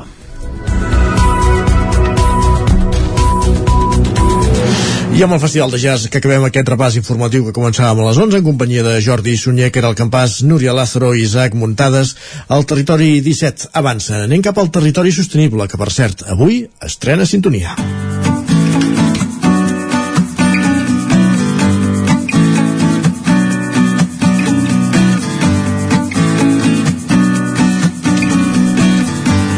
Ja ho sabeu, el Territori Sostenible, eh, aquest espai on cada setmana Jordi Givert ens descobreix iniciatives de petits productors del nostre territori. Avui anem fins al Moianès, a Sant Miquel d'Oló, per parlar d'una iniciativa relacionada amb el món del vi. Com dèiem, amb Jordi Givert, des d'Ona Codinenca. Benvingut, Jordi, bon dia. Avui al territori sostenible ens acostarem fins al Moianès per parlar de les noves anyades de vins, aprofitant que comencen a sortir dels cellers. Concretament ens acostarem al celler Sant Miquel d'Oló. Allà tenim amb nosaltres a l'Oriol, que ens ha volgut atendre per parlar d'aquestes novetats. Hola Oriol, bon dia. Bon dia i gràcies a tu. Gràcies per agafar-nos al telèfon perquè sabem que has sigut pare fa, fa poc i, i aprofitem per felicitar-te també. Moltes gràcies. Molt bé, per això tenim avui a, a l'Oriol a, via telefònica aquí al, al programa i tot i així encara has de compaginar aquesta paternitat amb el dia a dia del, del celler Uh, ens hem anat fixant que, que han sortit uh, alguns vins nous aquí al celler de, de Santa Maria d'Oló i volíem saber uh, què, què són exactament. Hem vist que, que ha sortit una línia que, que n'heu dit esporàdics. Entenc que, que són vins que, que podem veure aquest any però que potser no, no els trobarem en banyades posteriors. Exacte, ben bé aquesta, aquesta és la idea. Són vins que, que el dia que el trobes saps que el trobaràs, però mm, segurament eh, o possiblement no, no repetiran anyades d'aquest vi, o potser sí. Llavors el que, la, la idea d'aquest nom és que et doni aquesta sensació, no? que és un bus poràdic que el trobaràs avui a l'estanteria de la botiga, però potser no el trobis mai més, potser d'aquí 4 anys sí, però, però acabaràs d'aprofitar perquè és, és una cosa esporàdica. Una mica la, la il·lustració del, del, de l'etiqueta, que és una, una estrella fugaç, uh -huh. una mica et fa pensar això, no? Segurament en veuràs més a la vida, però quan en veus una no saps si en veuràs cap altra. Uh, és interessant i a més a més el joc aquest que feu amb, amb l'etiqueta eh, eh, és, és divertit uh, et volia preguntar el, el per què de treure aquesta línia és per, degut a, a que esteu experimentant eh, és per després potser fer algun vi que, que s'hagi de quedar i que, que ja rebi un nom suficient o és per la situació de, de la vinya en aquest any concret que us ha permès fer aquests vins? Com, o sigui, què és el, quin és el motiu? Doncs mira, ben bé és una barreja de, del que dius. Uh -huh. Alguns dels vins d'aquesta de, línia esporàdic són això, són el que comentaves, un experiment, és a dir, vins o elaboracions que fem d'un tipus, d'una manera, diguem, i no, i no tenim molt clar si, si serà una línia a seguir o no en funció de si agrada o no agrada, uh -huh. uh, i per tant hi ha una, una part dels vins esporàdics que són experimentació i que els traiem sota aquest nom per, diguem, per fer d'una manera senzilla i perquè poder és una experimentació que ens convenç o que no uh -huh. uh, comercialment parlant però d'altres són per exemple una mica una adaptació a les anyades complicades o anyades que et venen diferent per exemple l'esporàdic rosat uh -huh. era, era l'adaptació d'una anyada dolenta d'una tardor amb massa pluja i la carinyena és una varietat que, que tarda molt a madurar i aquell any vam veure que aquest raïm no ens arribaria a madurar per fer un, un vi negre, que és el que fem al Pri de Déu, uh -huh. i al veure que això no ho aconseguiríem vam dir doncs collim-lo i en fem un rosat i d'aquesta adaptació a una situació que no sabries què fer doncs en vam fer aquest rosat, que això va ser el 2018 uh -huh. i no l'hem tret fins ara perquè una mica l'hem tingut allà aparcat, que li ha convingut aquesta criança en ampolla però també perquè no sabia una mica com comercialitzar-lo, perquè era un vi que vam fer una vegada, no era la intenció, perquè la intenció d'aquest raïm és fer el pregadeu i fer-lo cada any, llavors ni estic què fem d'aquest vi, clar, quin nom li posem, com el venem, i una mica l'esporàdic ens ha servit per això, per vendre aquelles coses experimentals, tantejar una mica el mercat per dir una manera, si a la gent agrada aquest tipus de vi, si interessa més un altre tipus de vi, uh -huh. i, i llavors treure aquestes, aquestes adaptacions que fem de, de l'anyada, o un any, per exemple, que no em dona per omplir la bota de, de, de, del negre, doncs poder l'elaborarem diferent i en farem un altre tipus de vi. Mhm. -huh. Clar, recordem una mica la gent, situem-la que el celler de Sant Miquel d'Oló és un celler eh, petit, amb poques hectàrees i que té pocs anys de, de vida per ser, per ser un celler i, i clar, suposo que aquesta, aquest exemple que ens parlaves ara d'aquest esporàdic rosat de, de Carinyena potser era la, la primera situació que et trobaves a dir, ostres, què, què faig ara amb, amb aquesta part de la collita, què faig ara amb aquest vi que, i que el tenies uh, guardat en una bota en el, en el rebost, entenc. Ah, exacte, és, és una mica això. Uh, també he d'anar coneixent la vinya, d'anar coneixent com, com són els anys, com s'adapta uh, en, en l'entorn on som, i, i fruit d'intentar-se conèixer un, una mica com, com funciona, és el que et trobes, no? Dius, tia, et trobes un any que no t'està madurant i què fas? Agafes el raïm, el llences, és home, no, doncs uh, collim-lo i, i, i elaborem una altra cosa que potser no haguessis pensat mai, mai i fins i tot sent una carinyena, que el rosat de carinyena mm, no se'n coneixen gaire, sí, segurament n'hi ha, però no, no, és, no és un rosat típic. Llavors també és una cosa que dius, però què és això, no? Un rosat i de carinyena, doncs bueno, fem-ho, i en tot cas l'esporàdic engloba una mica totes aquestes provatures, tota aquesta experimentació i aquests vins que seran doncs això, esporàdics i puntuals que, que pot ser que no, que no et trobis mai més. Uh, parlant una mica d'aquest primer esporàdic uh, rosat uh, Carinyena 2018 uh, algun detall més que haguem de conèixer del seu procés d'elaboració? Bé, va ser un, un, un rosat eh, de premsat directe, és a dir, vam collir el raïm sencer i el vam posar dins la premsa, uh, vam extreure el most amb poca coloració. Uh, a partir d'aquí la, la carinyena és una varietat que, que li costa madurar, per tant al moment de collir-lo hi havia força acidesa i fins i tot en, una, en un cert excés. Uh -huh. I el que li va convenir en, aquesta, en, en aquest vi, un cop va acabar la fermentació, és que fes la fermentació malolàctica per reduir una mica aquesta, aquesta acidesa. És una cosa que amb blancs a alguns es passa, però, però és, és molt estrany fer la malolàctica amb, amb, amb, blan- amb blancs o rosats, normalment és amb negres, i en aquest li, li convenia. I a part de la, la, la malolàctica i la, una mica de criança en mares, el repòs que ha tingut amb ampolla durant aquests mm, 3 anys aproximadament, li ha anat bé per afinar-se una mica i tot i ser un, un vi que és, que és peculiar, que, que si algú tasta que no és un rosat uh, típic, uh, però és, és un jo considero bastant gastronòmic, però és una cosa especial i que avui en dia també la gent va buscar aquestes coses, eh? encara que Va buscar el, el que és diferent. Exacte, tot i que tu necessites una mica una línia de vins més o menys estandarditzat o que la gent pugui reconèixer fàcilment, al treure aquestes coses també crida una mica la gent que vol tastar coses una mica diferents, no? Elaboracions especials o coses així. Ah, hem dit que no era només un esporàdic. Quins són els altres que, que has tret a, aquest any? Doncs l'altre seria uh, un, un de l'anyada 21, precisament, que és amb garnatxa blanca, que és, és un brisat de garnatxa, de garnatxa blanca, que és, és un, el brisat pel qui no conegui què, què, què vol dir, és, és elaborar un vi blanc eh, amb, el, amb el mateix procés que es fa amb un negre, és a dir, que la fermentació eh, es produeix amb les pells. Llavors, a partir d'aquí també es pot jugar amb, amb el temps que estiguin les pells en contacte amb el mos en fermentació. Si ho fas allargar molt o ho fas només uns dies. Nosaltres en aquest cas hem fet només 7 dies de fermentació amb pells, a partir d'aquí el premsem i el mos segueix fermentant sense les pells. Uh, la, idea, la idea del brisat és donar-li un punt de, de, de, de tenicitat, eh, donar una mica d'aquesta sensació secant, una mica d'estructura, que normalment els blancs no tenen, i però només un punt, perquè si no podés menjar i, i, i el vi queda una mica difuminat, i llavors un, una mica d'oxidació també que, que esdevé en la mateixa fermentació amb les pells i amb el, i amb el remenat. Vale. I aquest seria el blanc, una mica el, aquest seria un, un cas de- d'experimentació, de dir, vull fer un brisat, provem, aviam com, com funciona, si agrada, si no agrada, o poder en provarem de fer l'any que ve un altre amb, amb més dies o menys, o veurem com d'això, i si amb el temps veiem que, que agrada i que funciona, doncs poder l'incorporarem una mica a la, a la línia de vins que tenim, no? Allò que deies, li posarem un nom, li buscarem un nom i, i l'incorporarem. Molt bé, és- són la, el- els dos exemples, el, el d'aprofitar que, que no es perdi res de, de la collita seria el cas del rosat i aquest blanc ja és amb, amb la idea de- d'experimentar. Ah, exacte. No sé si n'hi ha algun altre esporàdic entre mans o de moment a, a, amb aquests dos a, són els que componen la línia.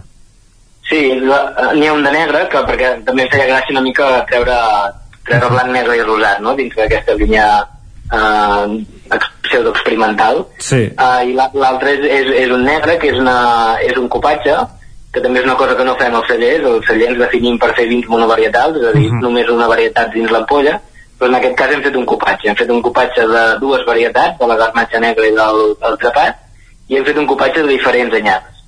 Uh, una mica buscant un vi um, uh, un vi suau, un vi fàcil, un vi per fer copes, un vi amb poca graduació, sembla que estem al voltant dels 11 i mig, i bueno, la, un, també una mica d'experimentació amb, amb, amb el tema copatge i amb el tema buscar aquest vi una mica diferent. Però també una mica un, una nota important d'aquest vi és això, és fer aquest copatge que nosaltres no, no fem. Per tant també estem jugant dins de, de la nostra experimentació perquè com que sempre treballem amb monovarietals doncs aquí hem fet un joc de de- d'un copatge de dues varietats Molt bé, doncs, molt, molt interessant.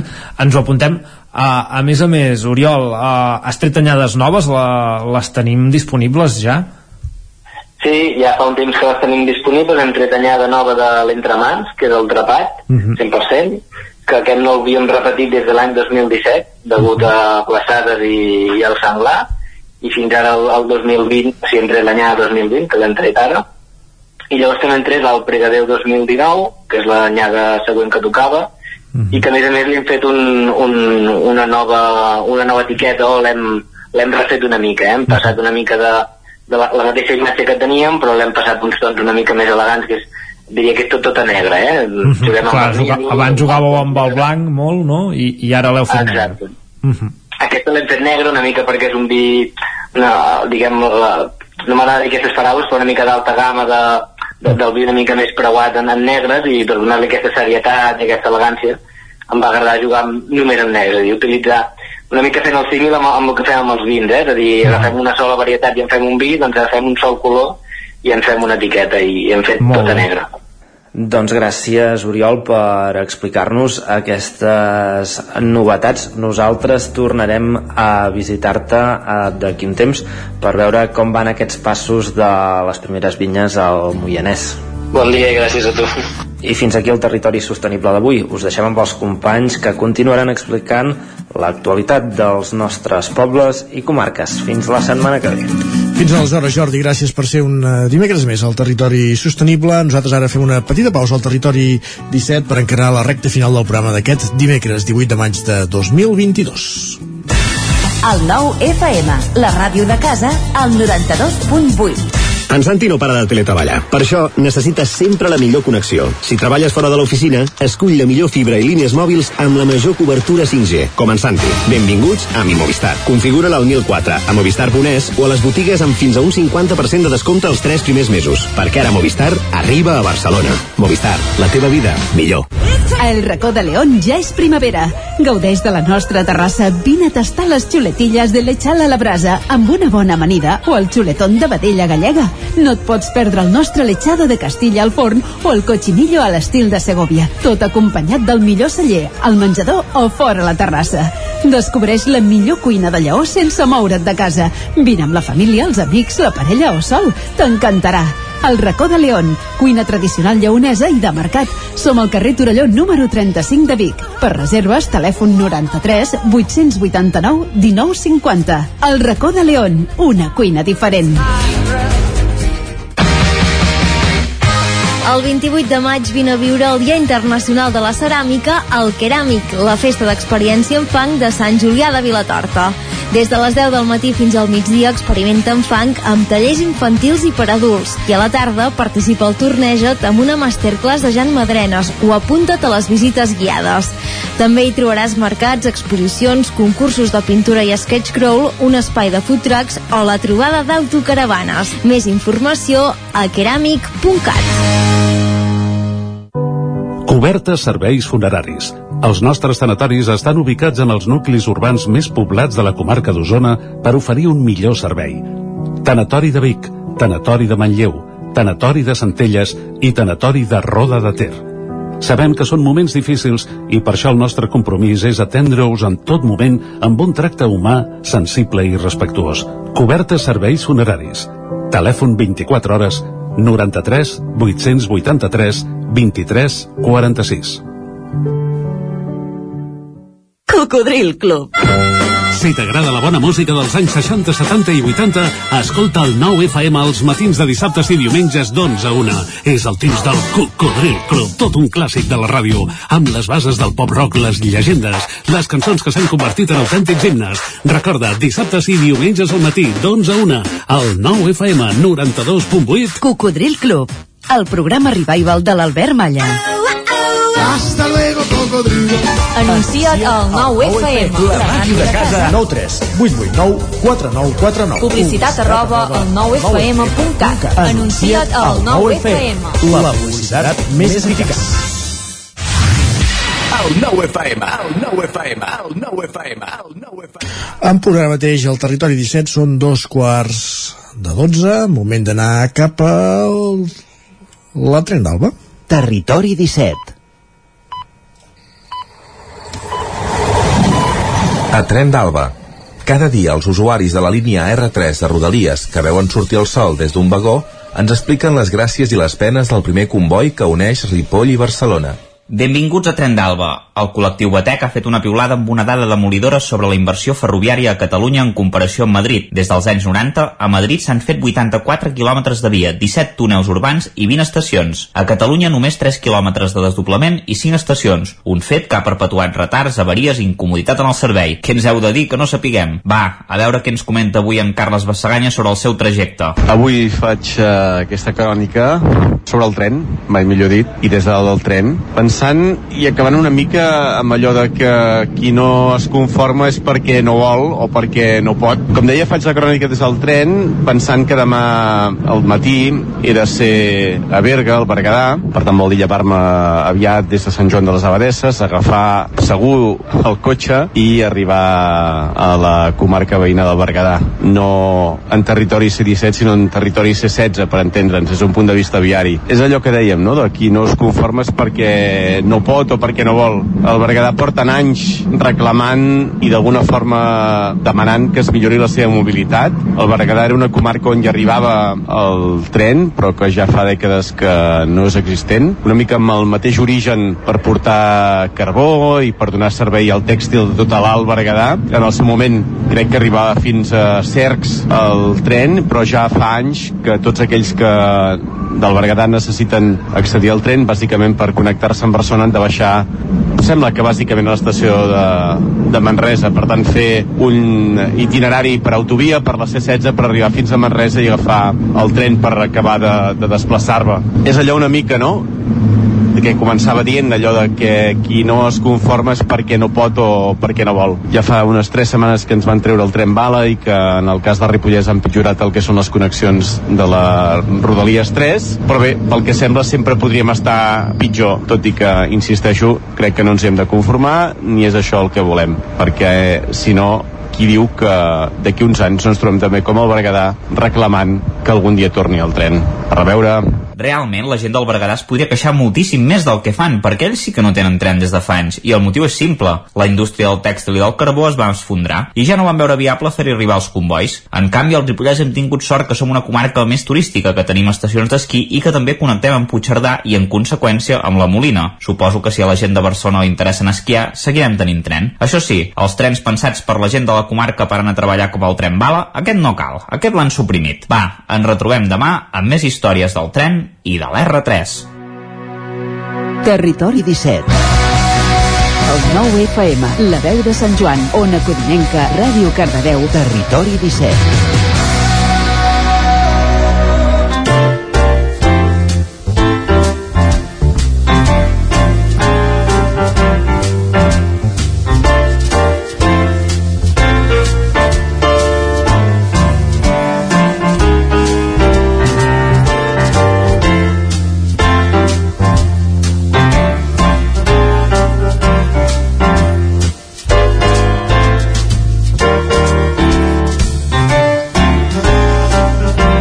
Pràcticament 4 minuts són els que passen de dos quarts de 12 al territori 17 encarem la recta final del programa com cada dimecres eh, fent un repàs a l'agenda d'actes que ens esperen els propers dies a les nostres comarques des de l'àmbit mm, cultural, de festivals, de concerts, d'auditoris, de teatre, exposicions de tot plegat en parlem tot seguit amb, amb la roda que fem amb les diferents emissores del territori 17 i que comencem als estudis de Ràdio Televisió Cardeu allà ens espera l'Òscar Muñoz un dimecres més. Benvingut Òscar, bon dia. Bon dia. Com tenim l'agenda? aquí. Molt bé. Bé, després d'un cap de setmana atapeït d'actes culturals i fires. segueix una i fires. Segueix aquesta dinàmica. O sigui, comencem aquí Cardedeu Molt Aprofitant que avui és 18 de maig, Dia Internacional dels Museus, el Museu Arxiu Tomàs Balvell obre les portes amb visites guiades i gratuïtes. Una es farà ara a les 12 del migdia i l'altra per la tarda a les 6 de la tarda. Així que això, el Museu Arxiu Tomàs Balvell i el Casal de Cultura Doctor d'Aurella seran oberts per tota aquesta gent que vulgui anar i visitar el museu. I dissabte no ens movem massa de, del museu, ja que darrere del museu hi ha com un jardí ple de plantes i es fan com unes xerrades tallers sobre quines plan plantes hi han al jardí del museu i quines són les seves propietats i quins són els seus usos medicinals, ja que són plantes ramelleres aprofitant que l'altre dia també va ser Sant, Sant Pons, doncs això, eh, es faran com uns tallers per veure quins ungüents, quines infusions podem fer amb aquestes plantes i descobrir això, per què ens pot anar bé a nosaltres.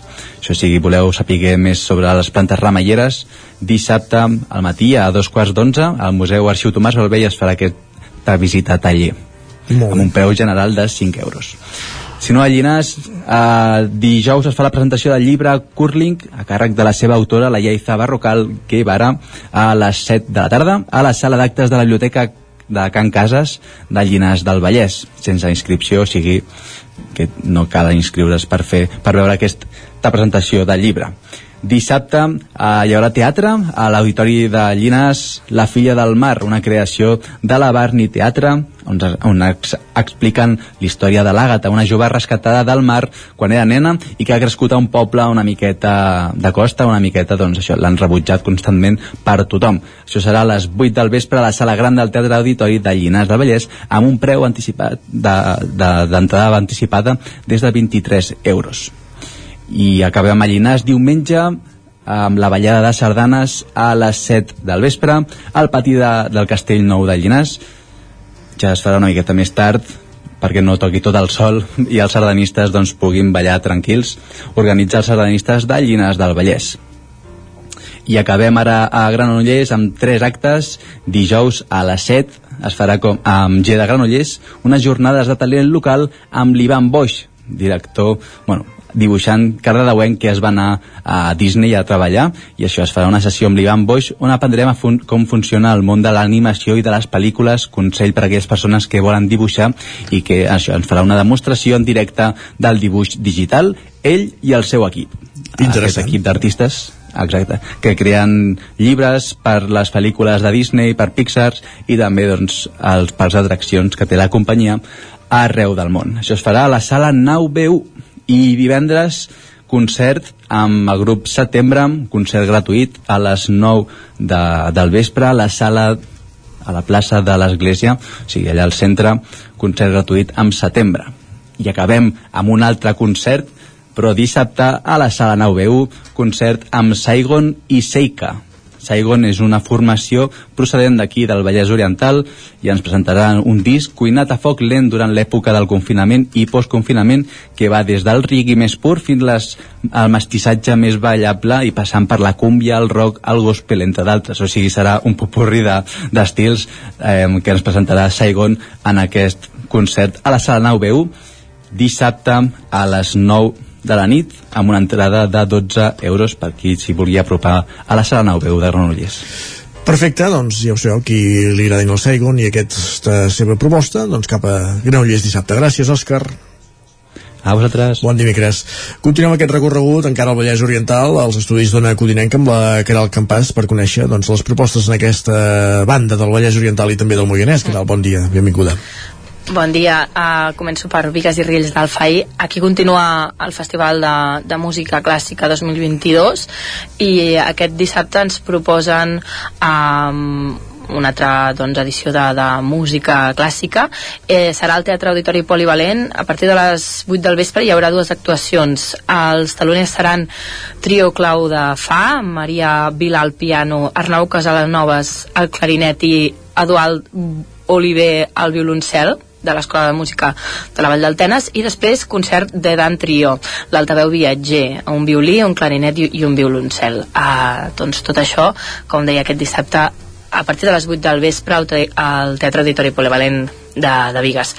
Um, a Caldes de Montbui um, no tenim gaires novetats, però us recordo que es pot visitar l'exposició Mas Manolo Artivida al Museu Termàlia, uh -huh. amb un recull de fotografies de Marta Pobo i entrevistes a persones doncs, que van conèixer de primera mà a, a Manolo Huguet aquesta exposició es pot veure fins al dia 31 de, de maig a, al Museu Termàlia. Uh, després a Sant Feliu de Codines tenim un acte cultural musical i una proposta teatral. Uh, la proposta teatral és diumenge a les 6 de la tarda, de, de 6 a 8 al Centre Cívic La Fonteta. Um, el grup de teatre musical de l'Associació de Jubilats i Pensionistes presenta l'obra Màgic uh, de la mà també del grup de deixalles de, de teatre amateur deixalles 81 uh, doncs ens proposen aquesta obra màgic al Centre Cívic La Fonteta com deia aquest diumenge de 6 a, a 8 després uh, tenim aquest acte cultural musical que us deia que gira al voltant de, de Pèrsia. Eh, primer hi haurà una conferència que s'anomena Nit d'Iran i Catalunya a càrrec de Mitra Frahani i Mina Frahani i després hi haurà eh, doncs, cançons folcòriques perses a càrrec del grup musical Firouzeh que són elles mateixes, eh? Mitra Frahani a la veu i el violí i Mina Frahani a la veu i el tar eh, doncs interpretaran peces eh, musicals també, després d'en Frederic Montpou a càrrec doncs, d'un altre músic eh, en Marc Bosch al piano val? hi haurà aquestes doncs, dos petites mostres musicals i prèviament la conferència serà a la Biblioteca Municipal Joan Petit i Aguilar aquest dissabte al matí a, a partir dels quarts de, de 12 Després eh, tancaria l'agenda cultural amb una proposta a Mollà, una proposta teatral i una altra de, de musical. Molt bé. La proposta teatral de Mollà és diumenge a partir de les 6 de la tarda a la sala polivalent de l'Esplai de la gent gran i el grup de teatre de, precisament d'aquest espai de l'Esplai de, de la gent gran eh, presenta un homenatge a Joan Vilalta i Prat eh, un exiliat i deportat a Mauthausen-Gusen i ho fa representant les paraules memorístiques de Joan Vilalta doncs, del propi, eh, de Joan Vilalta i Prat eh, amb, un, amb una obra que porta per nom Sobreviure a l'horror fent de ferrador eh, com deia, doncs, això serà a Mollà aquest diumenge a partir de, la, de 6 de la tarda. I acabo, eh, tanco amb una proposta musical a càrrec de, de les joventuts musicals de Mollà que van fent doncs, un ampli repertori. Um, segueixen amb actuacions en aquest cas del novè cicle de joves talents Maria Vilardell Vinyes i en aquest cas eh, serà, eh, hi haurà dues actuacions que seran dissabte a partir de les 6 de la tarda a l'Auditori Sant Josep. Eh, la primera serà a Ainoa Díez al piano i després actuarà el, el quartet Tomàs eh, doncs que hi ha un violí, dos violins perdó, una viola i un violoncel. Gràcies Caral a cuidar-se la veu i fins aviat. Sí. bon dimecres. Bon dimecres, adeu, gràcies. I anem cap al Ripollès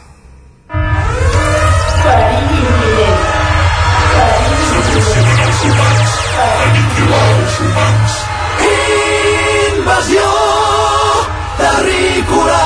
Comença l'era del terror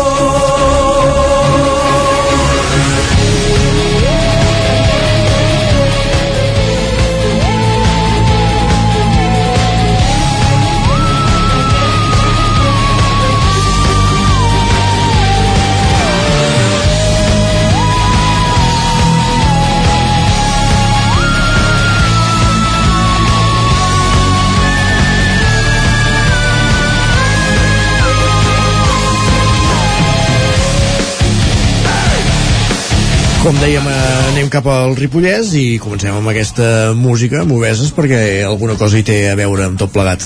Isaac Montades, des de la veu de Sant Joan, bon dia. Bon dia, Isaac. Doncs sí, ara els podíem escoltar uh, el grup Obeses, que aquest dissabte doncs, tenim aquest uh, plat fort del Festival Microclima de Camprodon, uh, que segurament serà el concert més multitudinari que, que es preveu d'aquest festival, que com sabeu doncs es fa eh, durant aquest mes de maig durant eh, tots els, els dissabtes.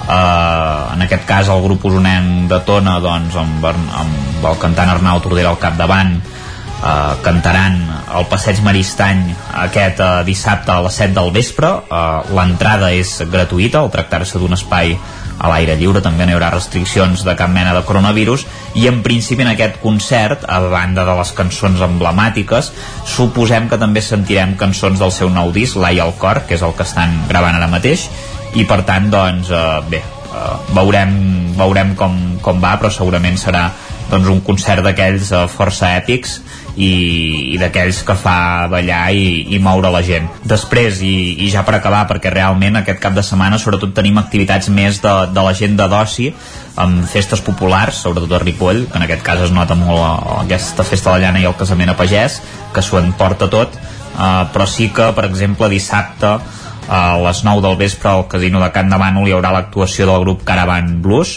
uh, 10 euros pels socis i 12 pels no socis del Cercle de Can de Banolenc ja es poden uh, reservar també la, les entrades. I bé, dir-vos que senzillament que Caravan Blue és un duet acústic jorní format per Xavier uh, Masó la guitarra i Marta Manyes, que és, la, que és la veu i la seva música doncs, viatja pels sons dels grans del blues i els clàssics del pop donant-los el seu segell personal amb un repertori ideal que, que es pot acompanyar en qualsevol moment.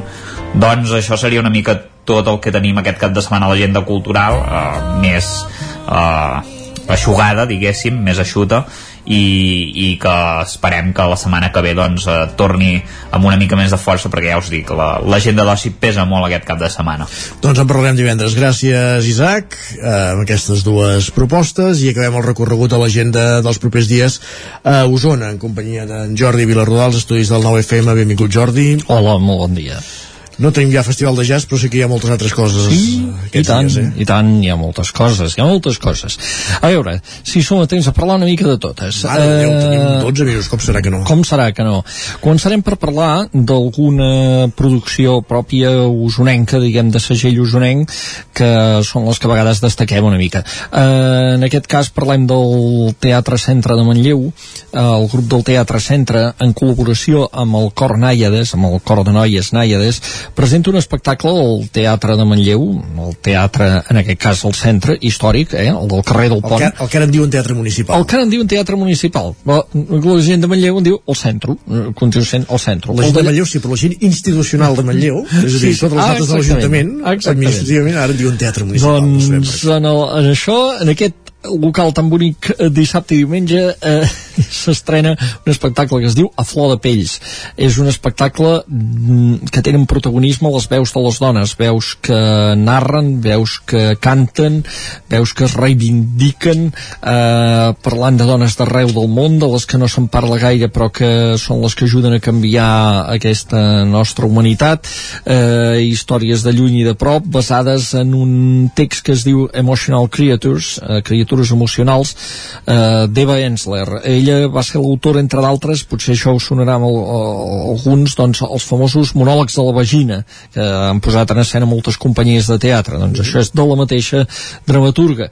I aquest espectacle que barrejarà doncs, la dramaturgia pròpiament teatral amb la intervenció de la coral sobre les dones eh, es, que, que es diu a Flor de Pells, com ja han dit, es presentarà dissabte a les 9 del vespre i es repetirà diumenge a les 6 de la tarda al Teatre Municipal, Teatre Centre. De fet, si voleu saber més, alguns dels protagonistes del muntatge seran també a la tremolla del nou TV, l'edició doncs d'avui.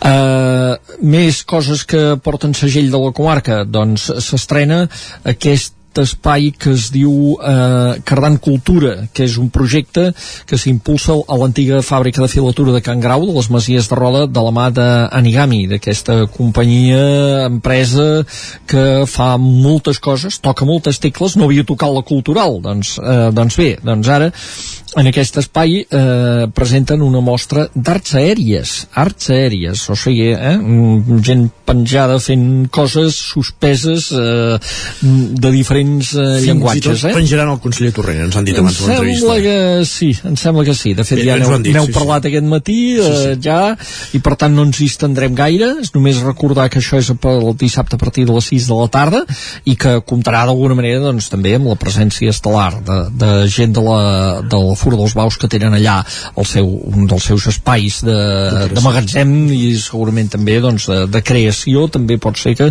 que, que hi sigui perquè és un espai que dona moltes possibilitats. Serà una manera també doncs, qui vulgui de, de treure el cap en aquesta antiga fàbrica reconvertida en fàbrica de cultura. I ja anem per una altra producció usonenca darrere en aquest cas eh, que és teatral també i que la porta el grup de l'Espardenya Teatre que acaba de celebrar aniversari també 25 anys de vida, tot i que venien d'abans d'una trajectòria anterior amb un altre nom. Eh, L'Espadanya Teatre de Call d'Atenes estrena el dissabte a les 8 del vespre i el, perdó, el divendres a les 8 del vespre i el diumenge a les 6 de la tarda. Instruccions per enterrar un pare, que és una comèdia eh, d'en Iago Alonso i que la dirigeix en Pep Alzina, amb la Cristina Bernils, en Jesús Font i el Montse Arumí mm, i que parteix d'un moment curiós, diguem diguem, en aquest cas, que, és no que, que, que s'ha d'enterrar el pare i no tenen diners. I llavors, a partir d'aquí, doncs, eh, una comèdia d'aquestes per passar-ho bé una estona amb instruccions per enterrar un pare de l'Espardenya Teatre. Molt bé. I, eh, en aquest cas també, un acte que té lloc a Roda de Ter, eh, que, que serà dissabte, eh, dissabte a les 9 del vespre. És una entrega de premis també però és per veure les produccions que s'han presentat aquest any en el concurs de selfies i autorretrats eh, que s'organitza el Premi Audiovisual Miquel Obiols el Festival Audiovisual Miquel Obiols que ja arriba a la desena edició i aquí s'entregaran els premis i es podran veure aquestes produccions curtes a vegades fetes fins i tot amb un mòbil i eh, eh, més a més doncs, que tenen aquesta eh, motivació, diguem o aquest, eix, aquest tema que es proposa a les persones que hi participen, que han de ser el selfie i l'autorretrat. Doncs eh, bé, es farà la gala, hi haurà intervencions musicals, hi haurà els premiats, etc etc i se celebrarà doncs aquesta, mm, aquesta edició número 10 del festival. Eh, fins aquí. Ara anem per altres coses eh, que també passen eh, aquí i que, sobretot des de l'àmbit teatral, tenen a veure amb qüestions d'identitat de gènere i d'identitats mm, amagades, menys tingudes, minoritàries, etc etc. Tenint en compte que hi era el dia de la LGTBI-fòbia. Ah, exactament, segurament alguna d'aquestes hi coincideix, de fet n'hi ha una que sí, que pròpiament es fa amb aquest motiu, que és el Teatre Sirviano, el divendres a les 8 del vespre, que la companyia Inevitables presenta una obra teatral que es diu Ximpanzé, i que de fet el títol no ens diu res sobre el que ve després. O diu molt. o diu molt. Eh, però haurem d'explicar-lo una mica perquè la gènesi és el, el moment d'arrencada diguem és que un home que té doncs, uns 40 anys es presenta a una consulta de ginecologia. Eh, eh, la peculiaritat diguem és que aquest home està embarassat de 8 mesos. Carai. i és clar allà es troba amb les mirades dels els altres, els, els altres pacients que estan allà que esclar se'l miren d'una manera molt estranya. I, i això fa que aquesta persona ens convidi a, a, a entrar en la seva història eh, ell havia estat una nena eh, aquella nena adolescent doncs que, que se sentia diferent eh, que després acabarà fent el trànsit però després de passar moltes dificultats etc etc etc. qui ha preparat el paperàs doncs que suposa fer això és un actor l'Isidre Montserrat un actor d'Olesa que va parlar amb molta gent trans per imbuir-se de l'experiència perquè ell no pertany a aquest col·lectiu i es va treballar un paper que ha merescut molts elogis. Eh, serà una obra doncs sens dubte impactant aquest monòleg que de fet protagonitza l'actor Isidre Montserrat. Ximpanzé el un divendres a les 8 del vespre. Eh, també mm, en un altre àmbit que d'alguna manera hi toca dissabte a les 8 del vespre a l'ETC a Vic, a l'espai de teatre i cinema del passeig de la Generalitat. Els àngels no tenen fills és una obra teatral que és de la Clàudia Sadó. És l'autora de, de Mare de Sucre també i eh, en el fons acaba parlant de la mateixa història també una, quins són els drets sexuals i reproductius de les persones amb diversitat funcional, amb diferents capacitats. Eh, aquí tradicionalment, habitualment no se'ls ha eh, considerat eh, capaços d'assumir la maternitat o la paternitat. Doncs aquesta obra, que dialoga amb Mare de Sucre que vam veure fa pocs dies a l'Atlàntida, es podrà veure a l'ETC aquest dissabte a les 8 del vespre. Més coses, les escoles de la comarca de dansa s'ajunten per celebrar el Dia Internacional de la Dansa, encara que sigui uns dies de retard, però aquesta és la celebració conjunta que faran amb un espectacle que es diu CIT, eh, que es podrà veure a l'Atlàntida. Es podrà veure a l'Atlàntida el diumenge al vespre, el diumenge, perdó, la tarda, a les 6 de la tarda, amb la participació d'una desena d'escoles de dansa eh, de la comarca i és un espectacle que eh, ve a inspirar-se una mica en el- en l'espera, en els moments d'espera de la vida eh, i, i convida doncs a la gent a, a seure i, i, i a gaudir-ne què més tenim? Què doncs, més? Això què més va. tenim? Què més tenim? Doncs eh, tenim que continua la festa Verdaguer. Veus? Perquè la setmana passada ja vam explicar que començava i són dos caps de setmana aquí a Osona, després hi ha més actes a Barcelona, però aquest és el segon cap de setmana de la festa Verdaguer. Eh, què destacarem d'aquest cap de setmana? Doncs eh, en principi eh, hem de destacar l'espectacle Festival Literari Flors del Desvari que es fa dissabte a la tarda a partir de les 5 a la d'Ermita de l'Adamunt. Eh, eh, ja és tradicional, s'ha incorporat, de fet, va començar com un acte innovador, ara ja forma part doncs, molt de, de la festa, perquè ja fa anys que es fa, eh, poetes que van allà, músics que van allà a l'Adamunt, un lloc, l'ermita de l'Adamunt és un lloc emblemàtic per Verdaguer, eh, que, que en parla en els seus poemes, que és el primer lloc des d'on veu el Pirineu, etc etc. Molta, hi molta història verdagueriana, però el que fan tota aquesta gent que anirà no té res a veure amb Verdaguer, ells fan la seva, eh, la seva història, els seus poemes, el seu, la seva música, hi haurà entre altres alguns nen com en Carles Dax, hi haurà la Chantal Poc, hi haurà la música d'en Pere i en Carles Girbau, eh, hi haurà una improvisació poètica i musical de la Clara Garí eh, tot un festival que és allò per passar una estona allà molt agradable si fa bo, eh, si està molt bé és sorprenent sempre. Sí, diu que sí que farà bo, eh? però que farà molta calor, de fet. farà molta calor, doncs allà hi ha ombres hi ha ombres allà a la damunt hi ha ombres i s'està molt i molt bé.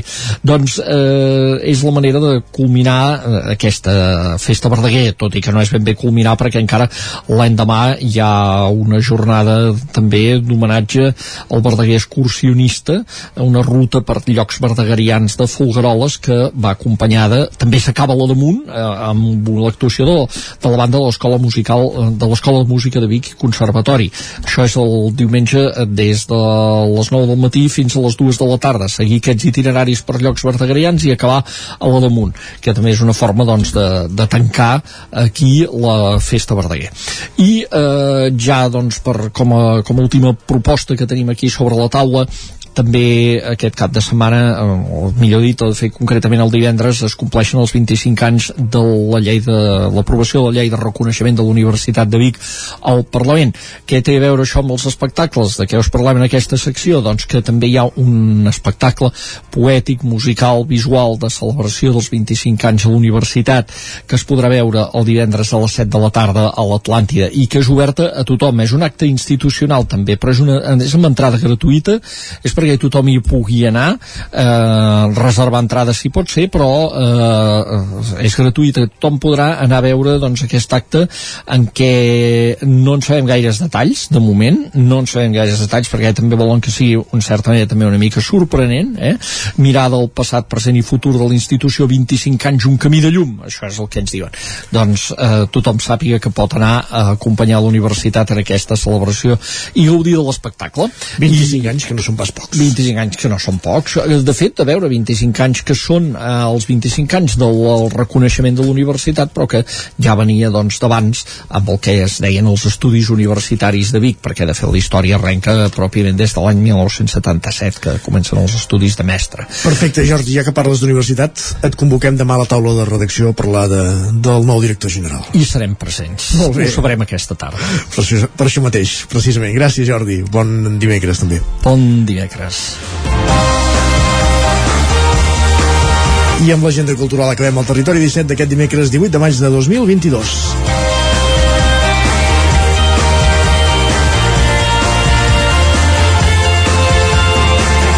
Us hem acompanyat des de les 9 del matí Pepa Costa, Guillem Sánchez, Guillem Freixa, Guillem Rico, Òscar Muñoz, Núria Lázaro, Jordi Givert, Caral Campàs, Isaac Muntades, Jordi Vilarrodà, Jordi Sunyer i Isaac Moreno. I tornarem demà a dijous a la mateixa hora, a partir de les 9. Que passeu molt bon dimecres. Gràcies per ser-hi. Adéu-siau. Fins demà.